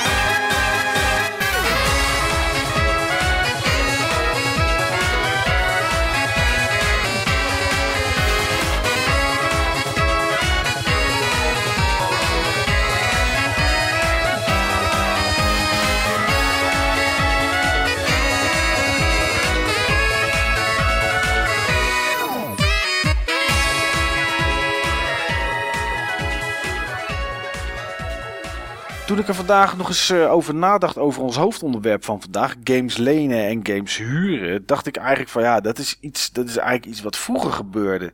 Ja, weet je, wie leent er nou nog iets of, of wie huurt er nou nog iets? Maar toen bedacht ik me ook dat ik eigenlijk ook helemaal niet bij de generatie van games lenen en huren hoor. Ik hoor wel bij die generatie, maar ik deed er zelf nooit aan mee. Ik zal zo meteen vertellen waarom, maar de- deed jij daar Ik wel? denk dat ik wel weet waarom je er niet Ja, aan dit wordt, dit wordt een, een uitzending, jongens. Ik ga met de billen bloot. Ik zal een hoop moeten, ja, een hoop moeten onthullen over mijn duistere verleden. Dus eh, om mezelf een beetje moed te geven. Steve, de- deed jij aan het huren van games vroeger? Ja, ja, ja. Ik vond het echt super spannend. Wat vond je er zo spannend aan? Ja, dan kon je weer een spel proberen. En eh, je, had, je had zoveel keus. En eh, en die spellen waren... Ik, ik speelde op Nintendo-systemen. Ja. En die waren gewoon echt enorm duur. Die spellen moest ik gewoon echt eh, veel voor sparen. En ja, nu kon je gewoon echt een spel spelen. En ja, dan kon je toch wel echt... ja, gewoon al die games die je ook aankeken. En vaak hadden die eh videotheek ook gewoon weer heel veel... ve- hele andere games dan, eh, dan speelgoedzaak. Of... ehm, of kwam je dingen tegen die ze al heel lang niet meer verkochten bij de speelgoedzaak. En eh, ja, het was gewoon spannend. Ja, want de plek om te huren vroeger was denk ik de videotheek. Ja, ik, ik was echt heel verwend. Want ik had toegang tot verschillende videotheken die spellen verhuurden. En we hadden in Moordrecht hadden we ook een Nintendo-theek. Een wat? Nintendo-theek. Nintendo Take. En die heette de Nintendo-theek. Oké. Dat waren, eh, volgens mij was het zeg maar zo, eh, was het zo zwart als het maar zijn kon. Ja. Maar dat waren gewoon, zeg maar, ehm, ja, mensen. En die hadden gewoon een, in een kamer. Het was ook, zeg maar, volgens mij de kamer de, van, eh, van hun zoon. Was het ook gewoon in een huis ook? Het was geen Ja, winkelpand. Die hadden ze echt gewoon dat ding, zo, die kamer van hun zoon, die was echt gewoon echt helemaal afgeladen met spellen. Echt gewoon op, op plankjes aan de muren. En eh, ja, die, die haalden die spellen ook echt overal en nergens eh, vandaan. Dus dan zag je ook gewoon dingen als Rotland en zo. Echt gewoon, eh, daar had ik ook gewoon spellen gezien eh, die je gewoon echt niet an- ergens anders zag. De Nintendo Take. Ja, ik, zou het, ook- ik wou dat ik het nog een keer. Ik, dat heb ik, die gedachte heb ik zo vaak gehad. Ik wou gewoon dat ik het nog een keer kon zien. Ja, dat snap ik. En wat nou als iemand daarvan lid is van het forum? Als iemand die dat toen deed, die toen Ja. de Nintendo Take had, als die nu lid is van, Van, het de forum. Nintendo Take uit Moordrecht? De Nintendo Take, ja. Ik kan me bijna niet voorstellen. Nou ja, het zou zomaar kunnen. Mocht er iemand zijn die dit hoort en die denkt... Hé, hey, Nintendo Take, dat waren wij vroeger, hè? Ja, neem even contact met ons op. Dat zouden we natuurlijk wel leuk vinden. Maar, maar jij was dus wel een groot fan- van games huren, Steve. Ja, maar die gasten die hadden, eh, die hadden echt een gigantische. Elke keer als ik zeg maar dan een spel ging huren, moest ik zeg maar ehm eh, een van mijn angsten trotseren. Want, Ze hadden eh, een die- hond. ja, die hadden een hond. Ah, Oké. En niet, niet zo'n kleintje ook. En het was ook echt gewoon zo'n eh, zo'n waakhond. Het was ook echt zo'n eh, ja, zo'n doberman volgens mij. Of, een, eh, of, of zo'n andere. Zo'n Rotweiler. Een Ja, een er doberman voor of een rotweiler. Ja, maar je moet ook iets voor over hebben. Maar ik was gewoon alles de dood voor dat beest, joh. Oké. Maar spannend. Ik wil zo nog wel even wat meer weten over de Nintendo Take. Maar ik ben benieuwd, eh, ben benieuwd wat nieuws deed jij vroeger aan games huren? Jazeker. En best veel ook. Oké. Ja, en eh, natuurlijk bij de videotheek. Ja. Zoals eh Steve ook al aangaf. Ik heb geen Nintendo Take of iets dergelijks in de buurt gehad. En ook niet dat ik weet, een soort van zwarte verhuur of iets dergelijks. Maar het waren eigenlijk drie verschillende locaties waar ik terecht kon om games te huren. Je had eh, de videotheek, of zelfs twee videotheken die bij mij in de buurt zaten. Het enige wat ik me nog kan herinneren was dat ik daar kwam in de tijd van de NES, denk ik. Ja. Ja. Ik had de bibliotheek, waar ik het ook vorige keer bij eh, de Hidden Gems een keer over heb gehad. En ja, toen heb jij eh, de, de manual die nu ontbreekt uit je Pizza Tycoon, heb je daar toen een keer eh, ingekeken? Ja, ja, en eh, ik kan me daar herinneren dat ik vooral PC-games eh, kon huren. Volgens mij had je ook helemaal geen console-games bij de bibliotheek. Nee, waren Maar vaak daar, de cd'tjes, hè? Ja, van die cd'tjes en... eh, ik, volgens mij had ik eh, Flight Simulator, Flight Unlimited eh, en, ja, en RTS-games die ik in die tijd heel cool vond. Zoals eh, zelfs slechte RTS-games als Crash, Kill and Destroy. Och, jeetje, ja. Ja, die, eh, die huurde ik. En, eh, ja, dat, maar dat was dus wat later. Dat was, eh, ik denk net voordat de Nintendo 64 uitkwam of zo. Toen was ik een beetje van consoles aan het afgaan en meer eh, naar PC aan het gaan. Maar de derde is, ehm, is eh, een speelboom Oh, die oké. in het dorp zat waar ik woonde. Gewoon echt de speelgoedwinkel zelf. Ja, de speelgoedwinkel zelf. En als je daar een spel wilde huren, dan gaven ze een, een grote map. En in die map zaten alle handleidingen van de games die je kon huren daar. En ook, ja, je kon dan vragen of dat je de NES-map wilde of de, of de Super Nintendo-map. En als de handleiding er nog in zat, dan was de game ook nog beschikbaar. Oké. Dus handleiding in de map is, is game in de tas daarna. Ja, inderdaad. Ja. Oké. En daar ben ik ook best wel vaak langs gegaan. Oké. Ja, ehm, ik zelf heb vroeger bijna. Nee, nee vroeger. eh, ligt maar net aan welke leeftijd je daar aan hangt, zeg maar. Maar eh, voor de PlayStation 1, dat tijdperk, heb ik nooit games gehuurd. En nou ja, zoals jullie weten, had ik vroeger zelf thuis geen consoles. Ik was Commodore 64 en ik was Amiga. Ehm, dus daar hoefde je geen games te lenen van elkaar. Want die kopieerde je gewoon. Ja, die lenen je dan van elkaar om te kopiëren, toch? Nou, niet, nou, niet eens. Want dan zei ik van. eh, dat, dat, dat ging eigenlijk bij ons altijd zo. Van. eh, ja, eh, oh, ik heb een paar nieuwe games. Oh, wat heb je? Dat en dat. Oh, dat wil ik wel. Hoeveel floppen is die? Ja, vier floppen. Nou, dan graaide je in je tas. Want standaard had je gewoon. Zorgde je dat je iets van 20 of 30 lege floppen bij je had. als je naar school ging. Eh, en dan zei je. Nou, hier zijn er vier. En een dag later kreeg je dan. Kreeg je de game op flop aangeleverd. Vaak dan met potlood heel slecht 1, 2, 3 en 4 erop geschreven. Eh, en ja, dan plakte je er een stickertje op. En dan had je de game. Dus Ja, ik, ik deed vroeger, dat zeg ik dan vroeger bij, terwijl het andere ook vroeger is, maar ik, ik, ik huurde nooit games. Nee, Ik, dat snap ik. Ja, ja, het is wel heel slecht natuurlijk. En ik bied ook bij deze eh, excuses aan aan iedereen die ooit komende 64 games en Amiga games gemaakt heeft en daaraan wilde verdienen. Ehm, maar dat, ja, dat, lukt, dat lukte gewoon bij mij niet. Ik was, Ja, het hoorde wel een beetje bij de scene. het hoorde er heel erg bij. ehm, en het, zeker in het tijdperk van de Amiga. Toen woonde ik nog in Den Haag. En toen waren er in eh, Delft. Waren er op de eerste zaterdag, de derde zaterdag en de vierde zaterdag van de maand. Dus nou, eigenlijk alle zaterdagen behalve de tweede. Misschien was dat korter om te zeggen. Waren er ehm, vanuit. Toen had je nog zogeheten computerclubs. En die computerclubs hadden dan altijd dagen waar iedereen bij elkaar kwam. En ehm, ja, dat was eigenlijk gewoon om met elkaar eh, ja, dingen te laten zien. Het was vaak gerund door wat oudere mensen, die, die toen al oud waren, zeg maar, va- 60 plus of zo, die toch nog een Commodore 64 hadden. En die dan met geos en eh, met, een, met een printer eh, zelf een verjaardagskalender maakten en uitprinten. En om dan dat een beetje aan elkaar te laten zien en daar gewoon een beetje een dag te gaan zitten rommelen. Maar ja, wij als jeugd kwamen daar ook. En ja, het enige wat wij daar de hele dag deden waren games kopiëren. Op die Amiga-schermen zag je ook niks anders dan X-copy de hele dag door. Dus ja, het is wel super slecht. Dat weet ik. Maar het hoorde, er, het, het, het hoorde een beetje bij die scene. Ja, het had er ook denk ik wel mee te maken. Want ik moet ook bekennen dat in het begin met de PC had ik dat ook. Maar ik wist helemaal niet dat je games kon kopen. De enige manier om games te krijgen die ik kende was dat iemand er een had. Oké. En, en hoe die eraan kwam, ik had geen idee. Maar toen ik voor het eerst bij, eh, was ook volgens mij bij die speelboom. Daar zag ik op een gegeven moment rond, de, rond dat Doom uitkwam of zo. Ja.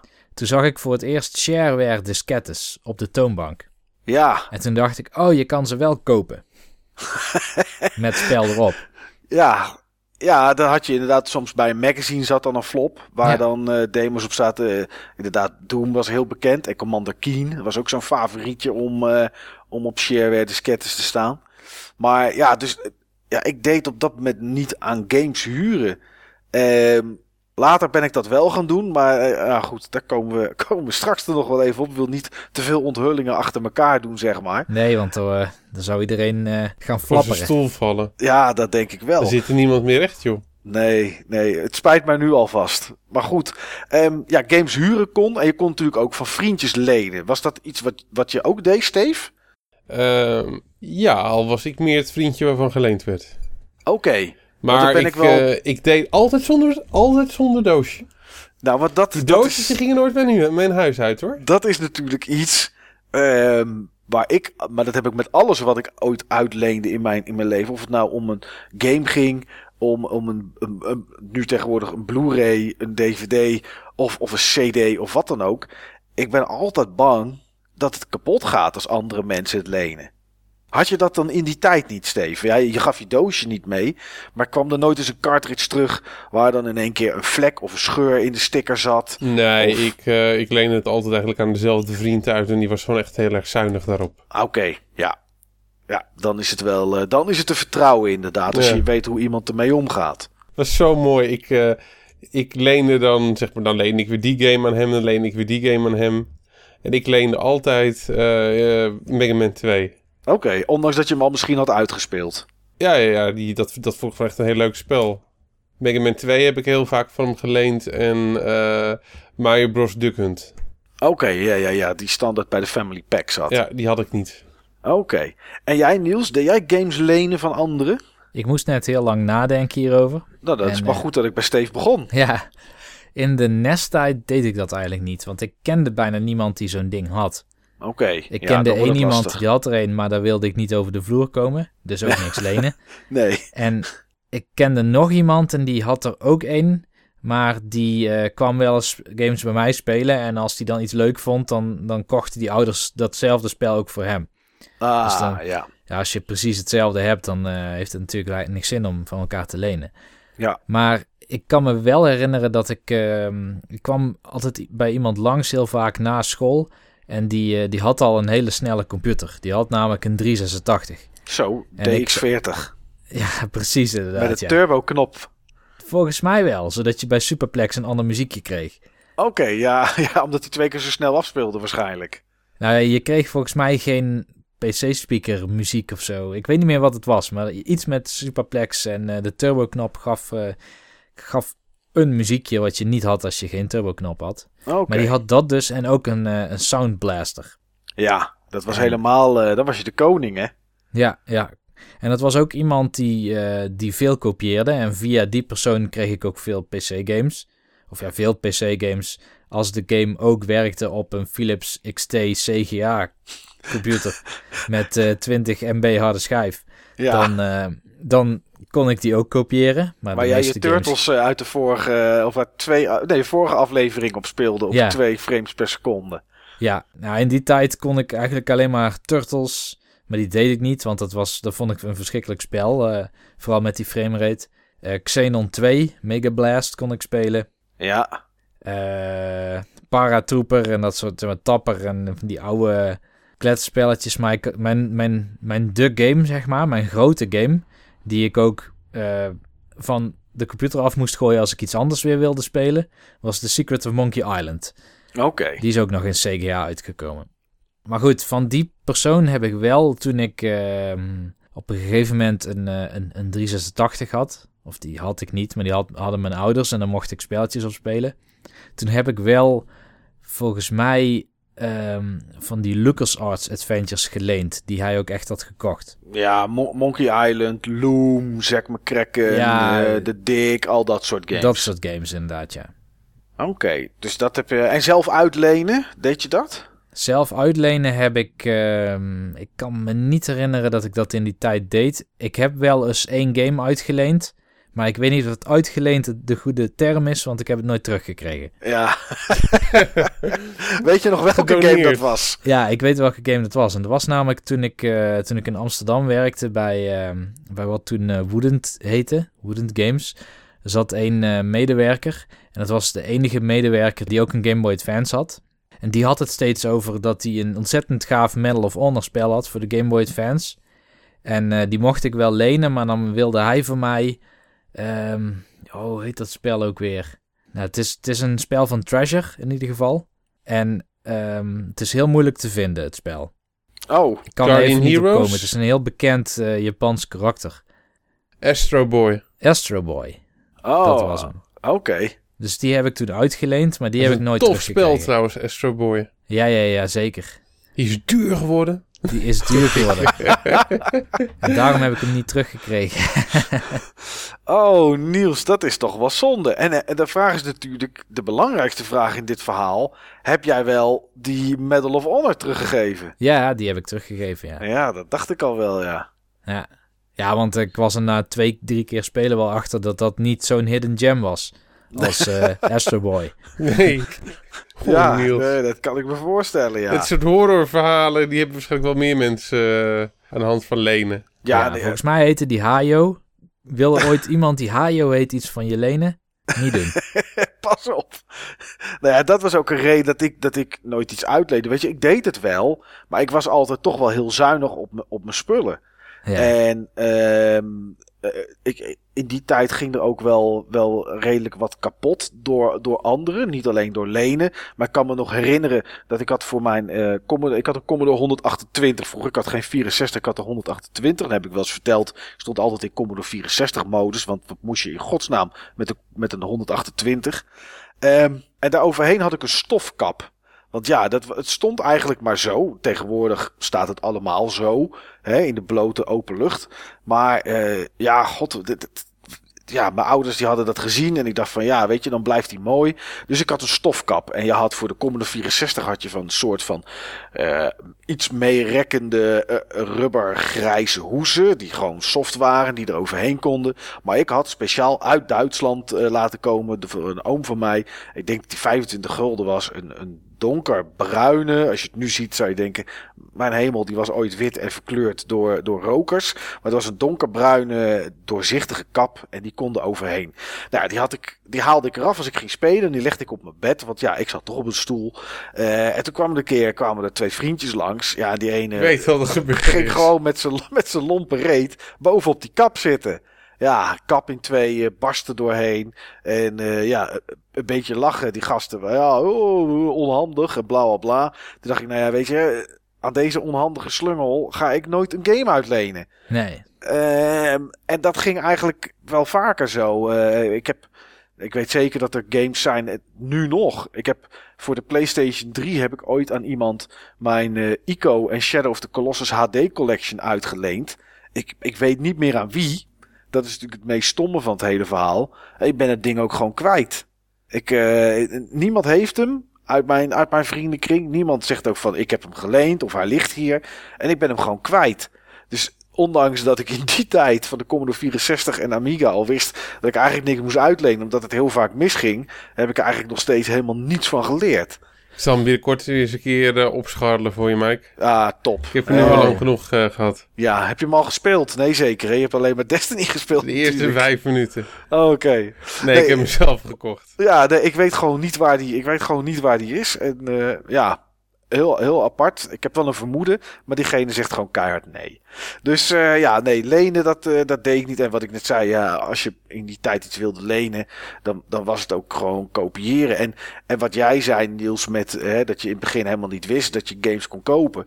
Het, het werd ons ook wel. Eh, Tenminste, ik weet niet hoe dat bij, bij, bij jou was. Ja, kijk, Steve deed natuurlijk consoles. Maar ik weet niet hoe dat bij jou was. Maar in de tijd van Commodore 64 en Amiga was het ook heel makkelijk om games niet te kopen.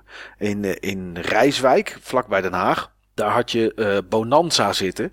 En ehm, daar zaten ook wel eens intro's voor, voor spelletjes en dat soort dingen. En die had voor de Commodore 64 gewoon maandpakketten. En op die maandpakketten, dat waren, was dan gewoon een doos met 10 floppen. Aan, eh, ingeknipt en alle tweede kanten beschreven. En daar stonden gewoon alle games op die die maand uitgekomen waren. Of die, die, waar die, die, die, die, die maand te pakken had. Ik bedoel, Commodore 64 spel uit, eh, uit 1989 zag er net zo lelijk uit als de een uit 86. Dus wat dat betreft maakt het ook niet zo heel veel uit of het een oude of een nieuwe game was. Want die pixels waren toch wel pixels. Ja. Maar ja, daar kocht je gewoon een maandpakket voor, ik zeg uit mijn hoofd 20 gulden. En dan had je alles. En dan was ik ook nog, was ik ook nog zo'n krent. Dat als er meer uitgekomen was en er waren twee maandpakketten. Dan kocht mijn opa de ene, ik kocht het andere maandpakket. En die kopieerden we dan van elkaar. Ja, ja, ja, ja. En dan, ja, dan was je gewoon heel weinig geld kwijt. En dan had je alle games. Ja, Ja, en, en bij de Amiga had je, eh dat is ook zo schitterende tijd als ik aan terugdenk. En ik weet het, iedereen die luistert, het is fout. Maar bij de Amiga had je in Den Haag had je NLD Soft. En dat stond voor Nol, Linda en Damien. Vraag me niet waarom ik het nog weet. Maar dat, is, eh, dat is echt zo. Nol, dat was, dat was de man, zeg maar. Linda was zijn dochter. En Damien was ook een, was dan zijn zoontje. En zijn vrouw, die deed blijkbaar niet mee. Ehm, en die adverteerden ook gewoon in krantjes, in, in, in lokale Haagse krantjes. En dan kon je bellen naar een telefoonnummer en dan belde je naar zijn broer. En zijn broer die woonde twee of drie straten verderop, want daar ben ik ook nog wel eens geweest. En die zei van, hey, is die en die game, heb je die al? En eh, ja, die was dan uit. En nou, dan, dan, dan hadden ze hem al. Ze, ja, die hebben we al, kom maar langs. Nou, op een gegeven moment wist je wat dan het adres was. Dan hoefde je geen afspraak te maken. Je ging gewoon eh, daar naartoe. Ergens in de Schilderswijk was het. Dus het was soms wel een beetje listig. En dan ging ik dan op mijn fietsje naartoe. Eh, parkeerde je beneden, liep je de trap op. En dan hing er een touwtje uit de deur. Daar trok je aan, ging die open. Liep je gewoon het huis binnen. Iedereen kon zo naar binnen. Jan en alle man. En dan was er een kamertje, een gedeelte van de huiskamer die ze vrij hadden gemaakt. Daar stond iets van drie of vier Amiga's stonden daar te kopiëren. Dan ging je zitten en dan betaalde je 2,50 per diskette. En als eh, inclusief de disketten. Als je zelf je disketten meenam, was het wat goedkoper. Eh, maar dan moesten ze wel geformateerd zijn, want anders dan moest, dat, eh, moest dat nog gebeuren. En dat duurde, kostte te veel tijd. En als er een game was met meerdere floppen of een, of een demo, dan kostte de volgende 1,50. Ja, weet je, dan ging ik op mijn fietsje. Voor, voor had ik ergens weer een tientje gescharreld. Bij mijn oma of zo voor een goed rapport. En dan ging ik op mijn fiets ging ik daar naartoe, naar NLD, naar Nol. En dan zei ik, Nol, wat heb je nieuw? En dan zei Nol, dit is nieuw. En dan ging ging je daar zitten en dan werd het voor je gekopieerd. En dan ging je weer weg. En dat was, dat was hoe ik in die tijd aan mijn games kwam. Ja, die gingen dan weer op school rond en had iemand anders weer wat gekocht. Ja, weet je, huren en lenen van games. Ja, ik heb het nooit Dat gedaan. bestond, dat bestond gewoon niet op, eh, op dat platform, joh. Nee, alle twee die platformen niet. Het was, Nee. er was, ik bedoel, die games kwamen eh, gekraakt aan. Eh, ik had ook nog. Ja, God, daar duik ik wel heel erg. Maar ik had ook nog een, iemand geregeld bij de VD. En ehm, als ik dan games daar lagen die ik niet had. Dan kon ik op zaterdagochtend om 9 uur, als de VD net open was, dan haalde hij ze voor me uit de vitrine. Dan kon ik een kopietje maken in de winkel en dan ging ik weer weg. Ja, mooi man. En eh, die kerel die kreeg, die kreeg daar voor de rest niks voor terug. Die vond het gewoon grappig dat wij dat, dat, wij dat deden. En ik had geregeld dat ik gewoon bij de V&D die games kon kopiëren. Eh, heel veel hadden En namelijk daarom gewoon... zijn ze nu failliet. Dat zou kunnen. ja, je kan niet meer een broodje bij Laplace eten als je in de stad loopt. Omdat ik vroeger games heb gekopieerd bij de V&D. Nee, ja, dat is, zo, zo ging dat. En hij had zelf, dus wat ik zei, niks aan. Soms wilde hij dan zelf ook een kopietje voor iemand die die kende. Ja, en dan ging ik weer weg. Dus ja, weet je, het is allemaal heel fout. Dat snap ik wel, maar het is, het is ja, zeker nu is het wel heel nostalgisch. Ik, eh, ik heb daar toch, eh, ja, het was een mooie tijd om het maar zo te noemen. Dus eh, ja, lenen. ik denk dat je later... Je hebt het later wel goed gemaakt, Mike. Oh, zeker wel. ik denk dat er... je, hebt je, mm, je hebt je omzet voor de game-industrie, die heb je wel betaald. Jawel, zeker wel. En, en nog steeds wel. Ik bedoel, ik koop nog steeds regelmatig, regelmatig games. Maar ja, het, het, het is ja, een duister verleden, zullen we het maar noemen. Ja, dat V&D-verhaal, man. Ja, ja, ik had dat. Ik weet ook niet hoe het kwam. Kijk, wat wij deden, en het sloeg helemaal nergens op in die tijd. Het, het, het sidetrekt een beetje van het huren en het lenen hoor. Maar wat, wat wij deden, ehm, was dat wij zelfs bij, eh, eh, bij, bij NLD, bij NOL of bij Bonanza. ehm, kochten wij Amiga games terwijl we zelf nog geen Amiga hadden. Dan gingen we naar de V&D toe, namen we een joystick mee, die plugden we daarin. We stopten gewoon die game erin. We gingen gewoon de hele middag games staan spelen in de V&D. Legendarisch. Ja, we hadden zelf hadden we, hadden we geen Amiga. Maar ja, we wilden wel die nieuwe games daarop spelen. En ja, daar moest je toch een beetje voor sparen. Of je, je zakgeld. Of eh, als je jarig was. Of ja, wat dan ook. Hè, die dingen. eh, Ik weet niet wat mijn Amiga kostte. Ik denk 8,99 of zo omgerekend. En gewoon in guldens. Dus niet naar euro's. Ik denk dat die 8,99 was of zo. Ja, dus wat kosten die dingen, joh? Ja, en dat, dat, dat was gewoon. Dat, dat bedrag had je gewoon niet. Op Nee, die dat ik. Dat snap ik. Ja, dus dat was er maar één. eh, ja, dan, dan, dan gingen wij op woensdagmiddag gingen we gewoon naar de V&D en dan gingen we daar gewoon die game spelen. Ik had altijd een hele slechte computer. Die liep altijd jaren achter bij de, zeg maar, de huidige... Ja, wat dat een, wat, in dat toen de geval in standaard geval was. cutting edge was of standaard was. Dus ehm, mensen hadden al een 486 voordat ik van mijn eh, 086 afkwam. Ja, Ja, precies. En toen mensen al aan de Pentium 200 zaten, toen had ik een 386. Dus ik liep altijd jarenlang achter en eh, hele generaties aan eh, capaciteiten. Eh, maar wat ik dan wel deed, was, want ik, ik vond het heel leuk om die PC-games te doen. Want ik zag andere mensen, die hadden het dan over Wolfenstein of, of Commander Keen 4. En ehm, wat ik dan wel kon doen, was dat ik dan bijvoorbeeld een game haalde bij iemand... waarvan ik wist dat ik die games kon krijgen, maar dat ik ze niet zelf kon spelen. En dan ging ik een ander vriendje bellen van, zullen we samen spelen? Waarvan ik wist dat de vader een goede PC had. Oh, dan ging je het daar spelen. En dan, en dan ging, ging ik het daar spelen, ja, inderdaad. Oh, jij ook niet samen ook. Je ging het gewoon echt al in je eentje spelen. Ja, nee, het was altijd wel samen spelen, maar ehm, het, ik kwam daar natuurlijk om wel zelf eventjes eh Wolfenstein te kunnen doen, hè. Ja, Ja, ja, ik kwam ja. ook altijd graag bij, ehm, bij, bij vrienden met een goede PC. Omdat hij omdat hij een hele leuke zus had, hè? Nee, voor die PC. Oh, oké, toch wel. Ja. Ja, dat is, het is toch een mooie tijd Nee, toen eigenlijk. had ik mijn prioriteit echt wel, eh, wel anders staan hoor. Toen stonden ze echt bij het gamen. Ja, toen stonden ze echt met het gamen. Ja. ja, ik denk dat wij dat allemaal wel hadden, toch? Ik- Zeker, ja. ik- ja, dat was... eh, dat was ik later wel ingehaald trouwens, maar dat, daar gaat deze podcast niet over. Nee, nee, nee, nee. Maar goed, goed wel om nog even aan te stippen, Steve. Ik bedoel, de mensen moeten, moeten ons, hè, die kennen ons inmiddels wel een beetje. ja, Ja. ik denk niet dat het nodig is, maar... Maar leende jij vroeger games, Steve, omdat je ze zelf niet kon kopen en, en op die manier goedkoop kon spelen? Of kocht je ze ook wel eens, of leende je, bedoel ik, of huurde je ze om te testen en om te kijken of je ze daarna toch zelf wilde kopen? Ik las, laat ik zo zeggen, de games die ik gehuurd heb in de Su- Super Nintendo tijd. Mhm. Ehm, dat waren vaak ook titels waarvan ik gelezen had van dat ze eh, te kort waren, of dat ik twijfels had, of dat ik ze gewoon nooit tegen was eh, gekomen in de speelgoedzaak. Oh, Oké. Dus- Om een voorbeeld te geven van, eh, ik, ik zal gewoon even wat games noemen die ik vroeger geleend en gehuurd heb. Ja. Ehm Kung Fu, bijvoorbeeld op de NES. Oh, dat je op die eh, etages naar boven moet Ja. lopen. Ja, daarvan wist ik niet of het mijn ding was. En dat leek me toch een beetje beperkt ten opzichte van de games eh, die ik eh, zelf had. Nou, dat bleek ook wel, denk ik, toen je het aan spelen was. Het is een leuke, uitdagende game, maar Ja, het is geen Double Dragon. nee, verre van. Dus ehm, eh, dat is in ieder geval e- een van die spellen. En ehm, een ander spel wat ik vroeger vaak bij de Nintendo Take eh, gehuurd heb. Ja, super tof titel Batman op de NES. Oh ja, dat is een leuke, leuke platformer, is dat. Dat was ook echt een goed, eh, goed spel. Eh, verder eh, Trojan Die ken ik op, niet. op de NES van Capcom. En ehm, ja, dat was gewoon een titel. ja, die- dat was mijn ding niet. Dat was echt moeilijk, Trojan.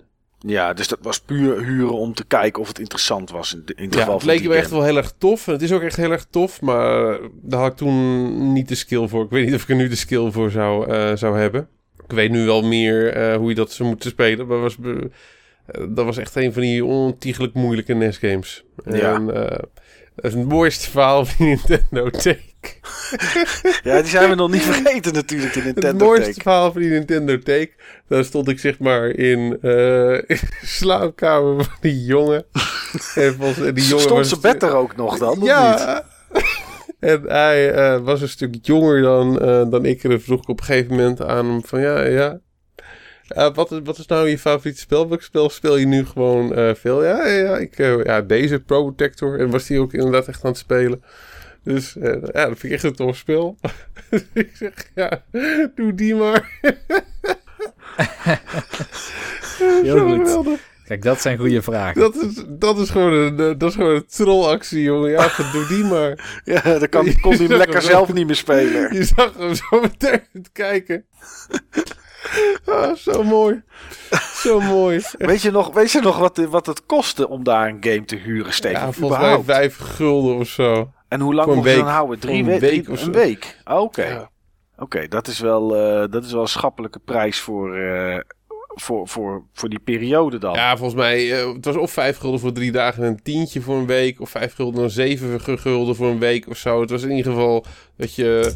Ja, het was echt wel een laag bedrag. Ja, precies. Je kon, je, kon, eh, je kon in ieder geval een flink stuk spelen voor dat bedrag. Ja, ja. En eh, op een gegeven moment was de Nintendo Take eh, was, eh, was gestopt.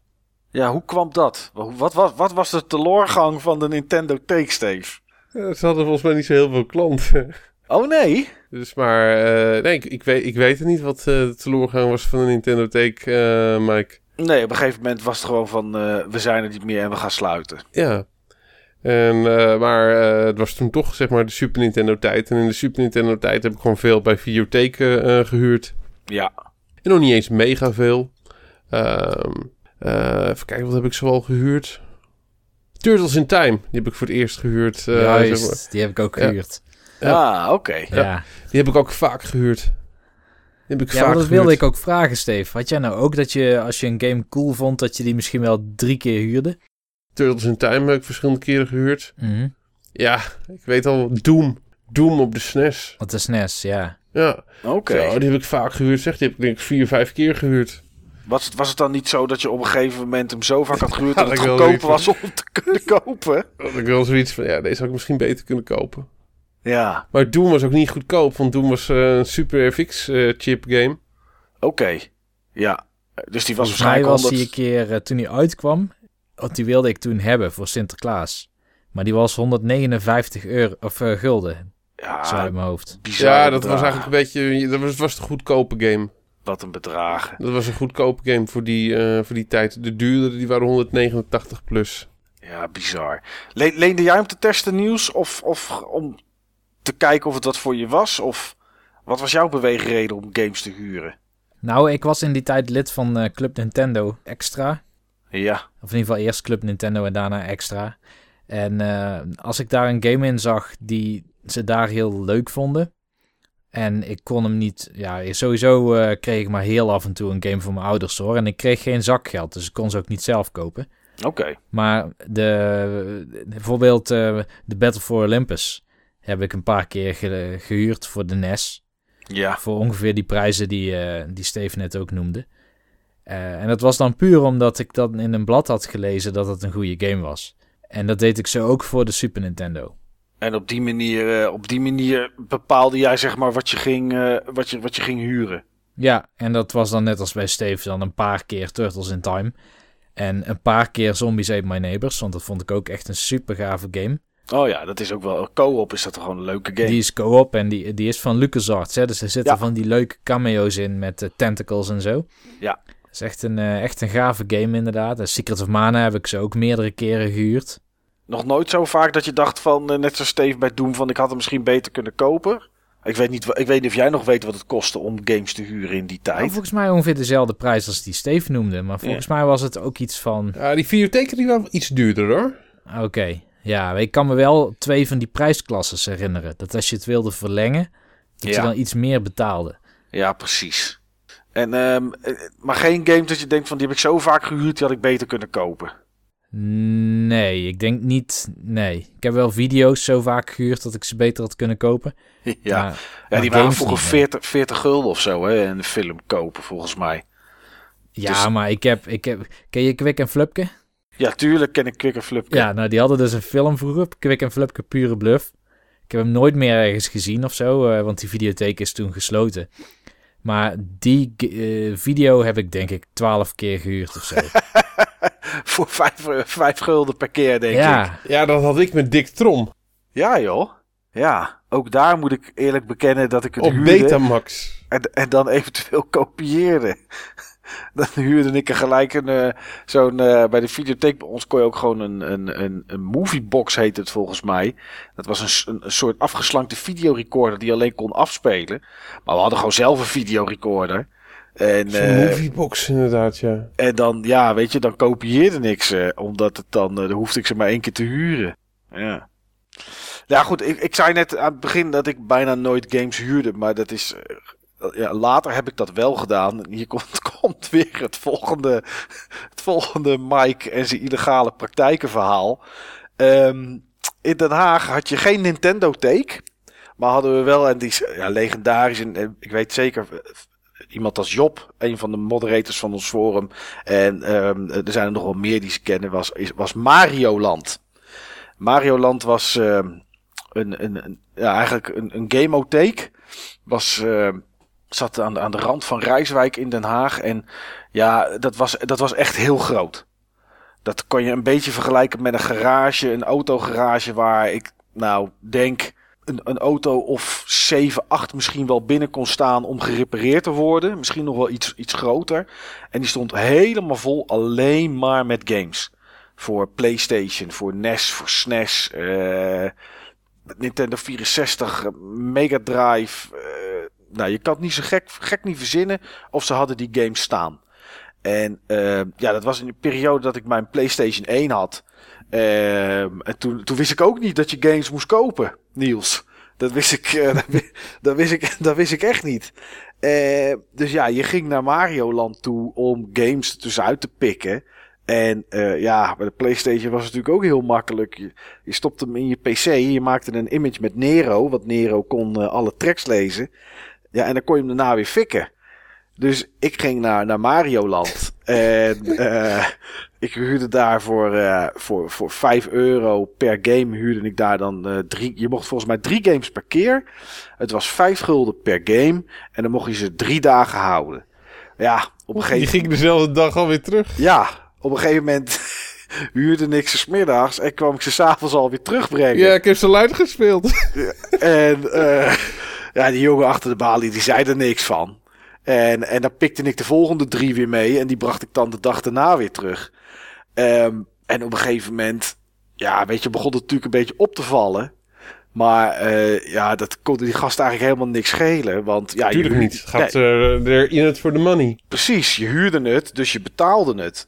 En eh, net als het Des verhaal... te, des te beter, want dan konden ze het weer sneller vuren. Precies. Dus wat, gebeur, wat gebeurde er? Hetzelfde verhaal als bij, als bij, als bij de V&D. Hij zei op een gegeven moment, joh, ehm, we hebben hier een lijstje met wat namen en telefoonnummers erop. Is het niet makkelijk dat als die games binnenkomen, ik je op dezelfde dag bel... en dat je ze dan gewoon even komt huren voor twee, drie uurtjes voor vijf euro per stuk? Eh, ik zei, ja. Ik zeg, prima. ik, zeg, ik zeg, bel maar. Dus toen kwam ik op een soort illuster lijstje te staan van Nee. mensen die de games konden huren voordat ze, voordat ze in de schappen lagen om te verhuren. Dus op de dag dat ze uitkwamen. Of soms al iets eerder, want ze kregen ze dan soms iets eerder. eh, zodat ze ze op de dag van release zeg maar in de, in de, in de, in de schappen konden zetten om te verhuren.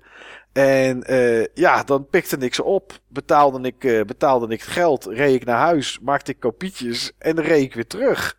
En eh, dat heb ik een tijdje zo... Legendarisch. Legendarisch. Dat heb ik een tijdje zo volgehouden. Er zat ook een heel groot voordeel aan. Want er zaten nog geen krassen op de disk. Want dat was natuurlijk wel zo. Met, met, met NES en SNES had je natuurlijk een cartridge.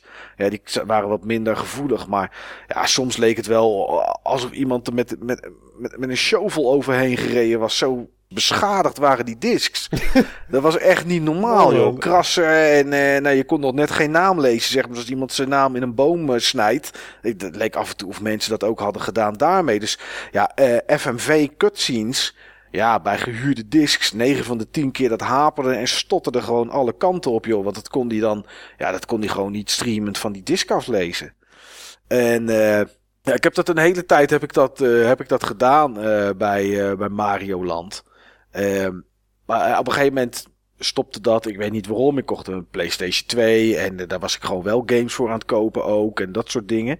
En ja, toen ging Mario Land ging, eh, die, ja, die ging zeg maar failliet. Er was, er begon ook heel langzaam, konden mensen ook disken op internet downloaden. Hè. Werden nieuwsgroepen werden groot. Eh, dus ja, een, PlayStation disc was maximaal 700 MB, maar heel vaak ook kleiner. Dus heel veel mensen die, die toch aan die illegale kant stonden, die, die gingen ze gewoon downloaden.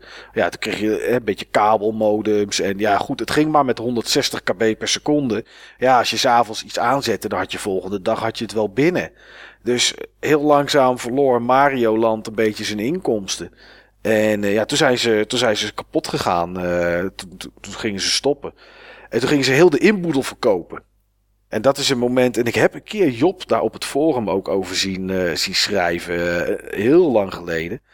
Mario Land ging alles verkopen. Ehm, maar er zaten ook Big Box Earthbounds tussen. En die gingen allemaal voor redelijk schappelijke prijzen weg. En er zijn dus heel veel mensen die daar mooie, mooie games hebben opgepikt in die tijd. Die nu eh, voor 600, 700 euro over de toonbank moeten gaan op een beurs of bij een webshop. En Volgens mij had Ruud er ook dingen gekocht. ja, het zou zomaar Ik denk dat er heel veel mensen daar gekocht hebben. En, het, en ja, goed, weet je, ik had die waarde op dat moment, die, die boeide voor heel veel mensen niet. En heel Nee, veel maar die waarde was er ook nog niet. Nee. Dus het enige Dat is waarvoor heel ik- simpel het nog niet boeide. Die was er gewoon nog niet. Nee, niet zoals het nu is inderdaad. Nee, nee, dat klopt. Dus ja, ik heb daar, ik ben daar naartoe geweest. En dus ze hadden echt heel veel PlayStation 1 staan. En ik ben daar maar naar één game op zoek gegaan. Dat was Cooler World. Ja, dit heb je wel eens verteld. Ja, omdat ik dat een toffe game vond. En eh, die hadden ze niet meer. Nou, toen ben ik maar weer weggegaan. En eh, voor de rest heb ja, andere systemen konden me, konden me niet boeien natuurlijk. Eh, want dat, dat had ik niet. Dus ja, weet je, dat is de enige keer zeg maar in mijn leven dat ik echt games gehuurd heb. Maar ja, ik kan nou niet zeggen dat daar een hele, hele mooie, hele mooie gedachte aan de grondslag lag. achter zat. Ja, toch vind ik, toch huur, hoort het er wel bij. het hoort er wel een beetje Dit bij. verhaal hoort er gewoon absoluut bij. Ja, ja dit, met de Commodore 64 Amiga, het, het- dat hoorde het kopiëren gewoon bij. Dat was gewoon eh, de, de sfeer die er hing. En in het begin ook wat, wat, eh, wat Niels net zei met, met PC-games. Ja, weet je, als wij PC-games hadden in die tijd, eh, die hadden niet setup.exe of install.bat. Die hadden ARJ. Je moest Ja. het uitpakken en in een directory gooien en dan had je je game. Ja, dat was hoe dat, dat, was hoe dat ging. En eh, PlayStation 1, ja, je, hoeft hem niet eens om te bouwen. Als je hem maar open liet staan en eh, na drie keer draaien deed hij eventjes een, eh, een, een, een, een, soort spin down. Dan stopte die en dan kon je disc gewoon eruit trekken en een andere erin stoppen. En dan ging hij gewoon spelen, een kopietje. Dus ja, het, ja het, hoorde er een beetje bij. Maar go- goed is het natuurlijk niet, en dat snap ik allemaal wel. Maar ja, dat was de reden dat ik ooit ging huren. Ik heb eigenlijk een specifieke vraag voor Steve. Toen jij begon met verzamelen, ging jij toen ook dingen kopen die je vroeger Ja, gehuurd direct. Direct. had? Ja, dat was bij mij ook. Dat was, Dat was het echt eerste wat eerste wat ik ding deed. ik... Ja, Oké. Ja, En op een gegeven moment had ik zeg maar op... ehm, ik had zeg maar eh, een aantal games die ik per se wou hebben op de NES. ja. Ehm, Batman, Mega Man 2, ehm Kung Fu. Dan toch, toch wel gekocht. ja, toch wel gekocht. Ik die la- Nee, Kung Fu inderdaad, ja. Nee, nee, nee, die, die, nee ik, weet al, ik weet het alweer. Batman, Mega Man 2, Power Blade en, ehm, en Mario Bros. plus Duck Hunt. Oh, niet Probotector, om, om eventjes nog eh, dat zielige jongetje wat zijn game uit moest lenen aan die, jou. vond, die vond ik niet zo leuk. Die heb Oh. ik eigenlijk alleen amper gespeeld. ik, eh, ik vond hem veel te moeilijk. Oké, oké, dus die heb, je niet, eh, die heb je niet gekocht. Nee, nee. En die, eh, die Konami-coach die kreeg ik toen niet ingevoerd of zo. Ik weet het niet meer precies. Ah, Of ik zat toen minder in mijn vel of zo. Ik weet het niet meer. Nee. Maar eh, eh, het was wel een mooie trollactie. De trollactie was nog steeds de vijf gulden waard. Ja, dat snap ik. Ja. Maar echt gewoon zeg maar de games die ik gewoon gehuurd had, die ik gewoon echt tof vond. Eh, ja, Powerblade, Mega Man, of, of geleend Powerblade, Mega Man 2, Mario Duck Hunt plus Batman. Ja, ik ben ze gewoon echt af gaan, eh, gaan, eh, gaan jagen dan. En Mario Duck Hunt, die wou ik een per se met zijn repro doosje hebben. Want ja, anders lag hij niet mooi tussen de andere dingen. Ja. En eh, ik had toen zeg maar, eh, ik had ergens Powerblade eh, kunnen kopen hier in Gouda, echt helemaal mint, maar zonder, eh, zonder handleiding. En ehm, ik, eh, ik had toen de tip gekregen van, eh, van Jelle van Retro Game Freak. Ja. En dat was ook direct mijn eerste bestelling bij Retro eh, Game Freak. De handleiding van Powerblade en eh, ja, Mario Duck Hunt met zo'n doosje. Oké. En eh, die had hij toen net. En eh, ik had ze ook telefonisch aan de lijn, want ik moest ook even iets, iets, ik moest iets checken of zo. En toen zei ik nog, ah, ik ben fijn dat ik, fijn dat ik ze heb. Want ja, nu ben ik eigenlijk gewoon klaar met verzamelen. Oké, dat, dat, dat gevoel had je op dat moment echt. Je had games die je geleend had of gehuurd, die had je binnen. Ja, dat was het. Ja, dat was echt voordat ik Palrox ontdekt had als, eh, als forum. En dit was zeg maar nog in de tijd dat ik zoiets had, ah, die, dat, die, game, die oude games, ja, daar ga ik toch niks eh, mee, mee doen. Maar dit was puur gewoon echt een stuk nostalgie. Dit moest ik gewoon hebben om de boel compleet te hebben. Ja. Voor je gevoel was op dat moment je verzameling compleet en Ja. klaar. Ja, oké. Dat is toch wel ietsjes daarna, daarna is iets anders gegaan. Wow, als je dit allemaal wat je nu hebt staan had moeten huren, Steve, dan eh, was je... Dan was de Nintendo teken niet failliet gegaan. Nee, zeker niet. En jij hebt hetzelfde gedaan dan Niels, omdat je die vraag stelde aan Steve. ja, bij de meeste games die ik toen heb gehuurd, de meeste games die heb ik nu ook wel. Althans die van de SNES. Maar ook bij de NES, bijvoorbeeld dat eh, Battle for Olympus wat ik net noemde. Ja, Het was volgens mij de allereerste game waar ik gericht naar op zoek ging. oké, dat is wel leuk. Ja. Ja, dan heeft het toch een e- extra nostalgische waarde, zeg maar. Ja, dat klopt. Maar die, dat zijn dan ook die games waar ik meer mee heb dan de games waar ik nu over zou lezen dat ze heel leuk zouden zijn. En die ik dan met veel moeite gevonden krijg. Ja, Om een of andere reden, misschien is dat omdat je daar vroeger veel over las en eh, misschien met vrienden over had. En die heb je dan gehuurd en daar heb je veel leuke herinneringen aan. Dat doet iets meer met die kaart. Dat heeft dan toch gewoon die nostalgiefactor. Ja, ja die beleving was dan heel anders. Ja. ja. Ik bedoel, ehm, Ondanks dat zeg maar Kirby waarschijnlijk gewoon een beter spel is dan, eh dan Powerblade. Dat is Powerblade echt goed hoor. Maar eh, ik, ik zal nooit Kirby zo leuk kunnen vinden als dat ik Powerblade leuk vind. Nee. Nou, en ik denk, ik denk dat... Maniac dat... Mansion, die, eh die leen ik ook trouwens altijd. Oeh, ja, maar dat was wel een hele toffe game. Ja, op de NES. Die heb ik er ook nog gekocht. Ik zie hem nu liggen toevallig. Ja. Doe je het nu nog wel eens, eh Steve? Games lenen van andere mensen of zelf uitlenen? Zeer sporadisch. Ik heb in de Xbox 360 tijd heb ik nog wel eens veel gedaan aan een collega. Mhm. Dat hij gewoon games van mij mocht lenen. Ik had er ook zoveel, joh. Maar, ehm, nee, ik, eh, tijd geleden. Ik heb laatst nog aan een, vorig jaar heb ik aan een collega, eh, die had toen net zijn PlayStation 4 gekocht. Heb ik toen Killzone Shadowfall en, eh, Nek. Met, en Metro heb ik eh, uitgeleend. Oh ja. Die Metro remake. Eh, het leek me allebei wel iets voor, eh, voor hem. Maar eh, zeg maar één week nadat ik dat had uitgeleend aan hem, toen had hij zeg maar dan Destiny. En sindsdien heeft hij echt alleen maar Destiny gespeeld. Dat is een van mijn Destiny collega's. Ah, dus die games die hebben gewoon echt maanden onaangeraakt bij hem gelegen. En toen zijn ze weer naar mij toe teruggegaan. Oké. Hij had er echt, had echt veel aan gehad. En eh, voor de rest, nee. Ik, het is tijd geleden een game heb geleend. En jij, Niels? Uitgeleend. Ik heb toevallig nu een deel van mijn Wii-collectie bij een neef van me liggen. Oké. En eh, daar kom ik ook wel eens op bezoek en dan kunnen we zoiets gaan doen. We laatst NBA Jam bijvoorbeeld gedaan voor de Wii. Ja, die Marble Madness-achtige ding. En weet die, hoe ja, dat. En eh, ja, nog een paar. Ik, ik, ik weet niet. Oh ja, Michael Jackson Experience heb ik zelfs gedaan. Oké. Ja, dat is een van de weinige momenten dat ik ooit een game uitleen. Want meestal eh, mensen die, die echt games ook kopen. Ja. En, eh, want die, die neef die koopt eigenlijk geen games meer tegenwoordig. Maar die vindt het wel prima als hij eh, voor de systemen die die heeft af en toe een game kan lenen. Maar mensen die die games kopen, zeg maar, die, die nemen niet eens de moeite om naar me toe te komen. Die kopen hem dan gewoon zelf. Ja. En ik zat net te denken trouwens, ik heb ook ooit mijn NES uitgeleend met heel mijn collectie. Oké. Listig. Ja, en ook daar is uitgeleend ook weer niet helemaal het goede woord. Oh nee. Want ik kreeg natuurlijk bijna niks terug. Hè? Toen, eh, toen net voordat ik eh, naar mijn eerste beurs ging, toen heb ik gevraagd van, hey, die NES die, eh, die je toen hebt gehad, eh, hebben jullie die eigenlijk nog? En die, die hadden ze nog. En toen kreeg ik het terug en ze zeiden al van, ja, we weten niet of dat alle spellen er nog bij zitten. Nee, dat klopt. Want volgens mij heb ik altijd wel meer dan vier spellen in totaal gehad. Ja. Maar wat ik specifiek toen terug wilde hebben, misschien heb ik dat verhaal wel eens eerder verteld, was het spel Trolls in Crazyland. Nou, zeg maar niks dit verhaal. Ja, dat is een duurde, duurde game. Ja, wat, eh, waarom ik hem terug wilde hebben, had eigenlijk te maken met dat ik, eh, toen ontdekte ik ROMs op internet. En eh, ik merkte dat ook al had je een volledige collectie, dan zat die game er om een of andere reden niet bij. Oké. En ik dacht van volledig, ik heb duidelijk dit spel vroeger gehad. Dus toen eh, ging ik gericht zoeken op internet. Toen kwam ik op een website van iemand en ik geloof dat die The Red Eye heette. Zo goed staat me dat nog bij. Ja.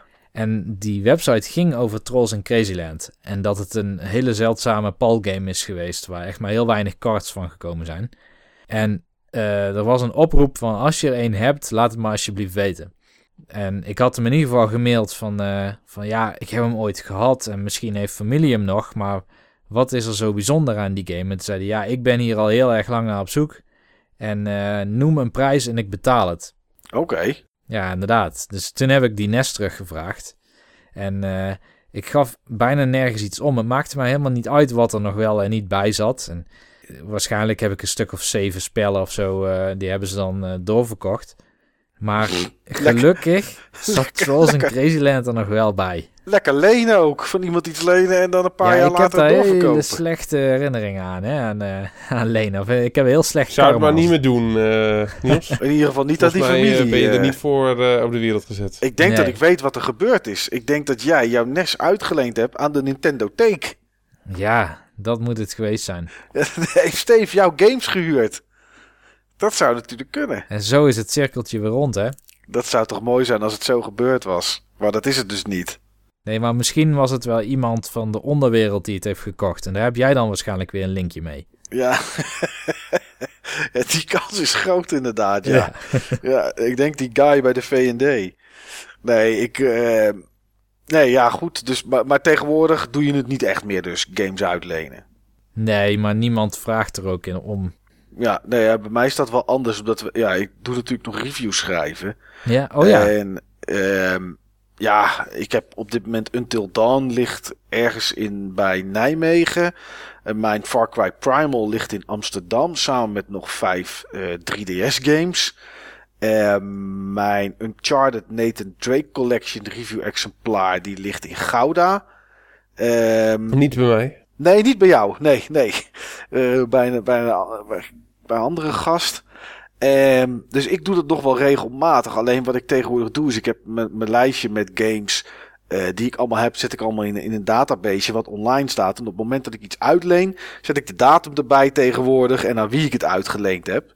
Zodat ik wel eh, weet waar het, eh, waar het ligt. Dat me niet nog een keer hetzelfde overkomt wat ik eerder vertelde met, met die Ico en Shadow of the Colossus Collection. waar ik best nog een beetje zuur van ben dat ik die niet meer heb. Dus eh, ja, ik doe het nog wel, maar het Als is... ik een keer ergens goedkoop voor je tegenkom, dan eh, neem ik hem mee. Dat is altijd goed. Ja, ja. Of, of Dennis moet luisteren. Hey Dennis. Hey Dennis. nee, dat zou ik niet eh, op deze manier niet willen. Maar het, het is wel goed als je het doet door Dennis. Nee, maar ehm, ja, dus dat, daar baal ik dan wel van. En dan neem ik me altijd voor om niet uit te lenen. Maar ja, mijn, mijn buurjongetje die, ehm, eh, die heeft een PlayStation 3 staan. Die wil heel graag een 4. Maar ja, dat, dat, dat gaat niet. Eh, er staat gewoon nog een 3. Ja, en ik heb iets van 70 of 80 games liggen voor de PS3 eh, op disc. En dan nog een groot gedeelte eh, digitaal. Ja, die kan ik natuurlijk niet uitlenen. Maar ja, weet je, laatst wilde die een keer Crisis 3 wilde die dan heel graag spelen. Ja, die heb ik liggen. Dus dan, ja, dan doe ik eigenlijk ook weer niet zo moeilijk over. zeg ik, nou ja, je neem maar mee. En dan zie ik het wel wanneer ik terugkom. In dit geval ook een, eh, een, een, gewoon een promo, een review exemplaar. Zoals die nooit was teruggekomen, had ik het ook niet erg gevonden. Maar uh, ja, het, uh, ja, ik ben er nog steeds niet een al te grote fan van. Omdat ik heel vaak dingen ook niet heb teruggekregen. Of uh, met een barst in het doosje. Als het iets was met een, met een, met een hard doosje, zeg maar. Dus niet DVD-doosje. Of dat er krassen op de disk zitten. Ja, weet je, daar ben ik dan gewoon ziek van. Dan leen je iets uit en dan hoop je dat iemand omgaat met jouw spullen. Zoals je zelf ook met spullen van anderen om zou gaan. Maar ja, 9 van de 10 keer was dat niet het geval. Dus uh, een klein beetje ben ik er wel. Uh, ben ik er wel voorzichtig mee. Maar als ik weet dat iemand er netjes mee omgaat, dan, dan, kan het wel. Zouden jullie het trouwens doen, jongens?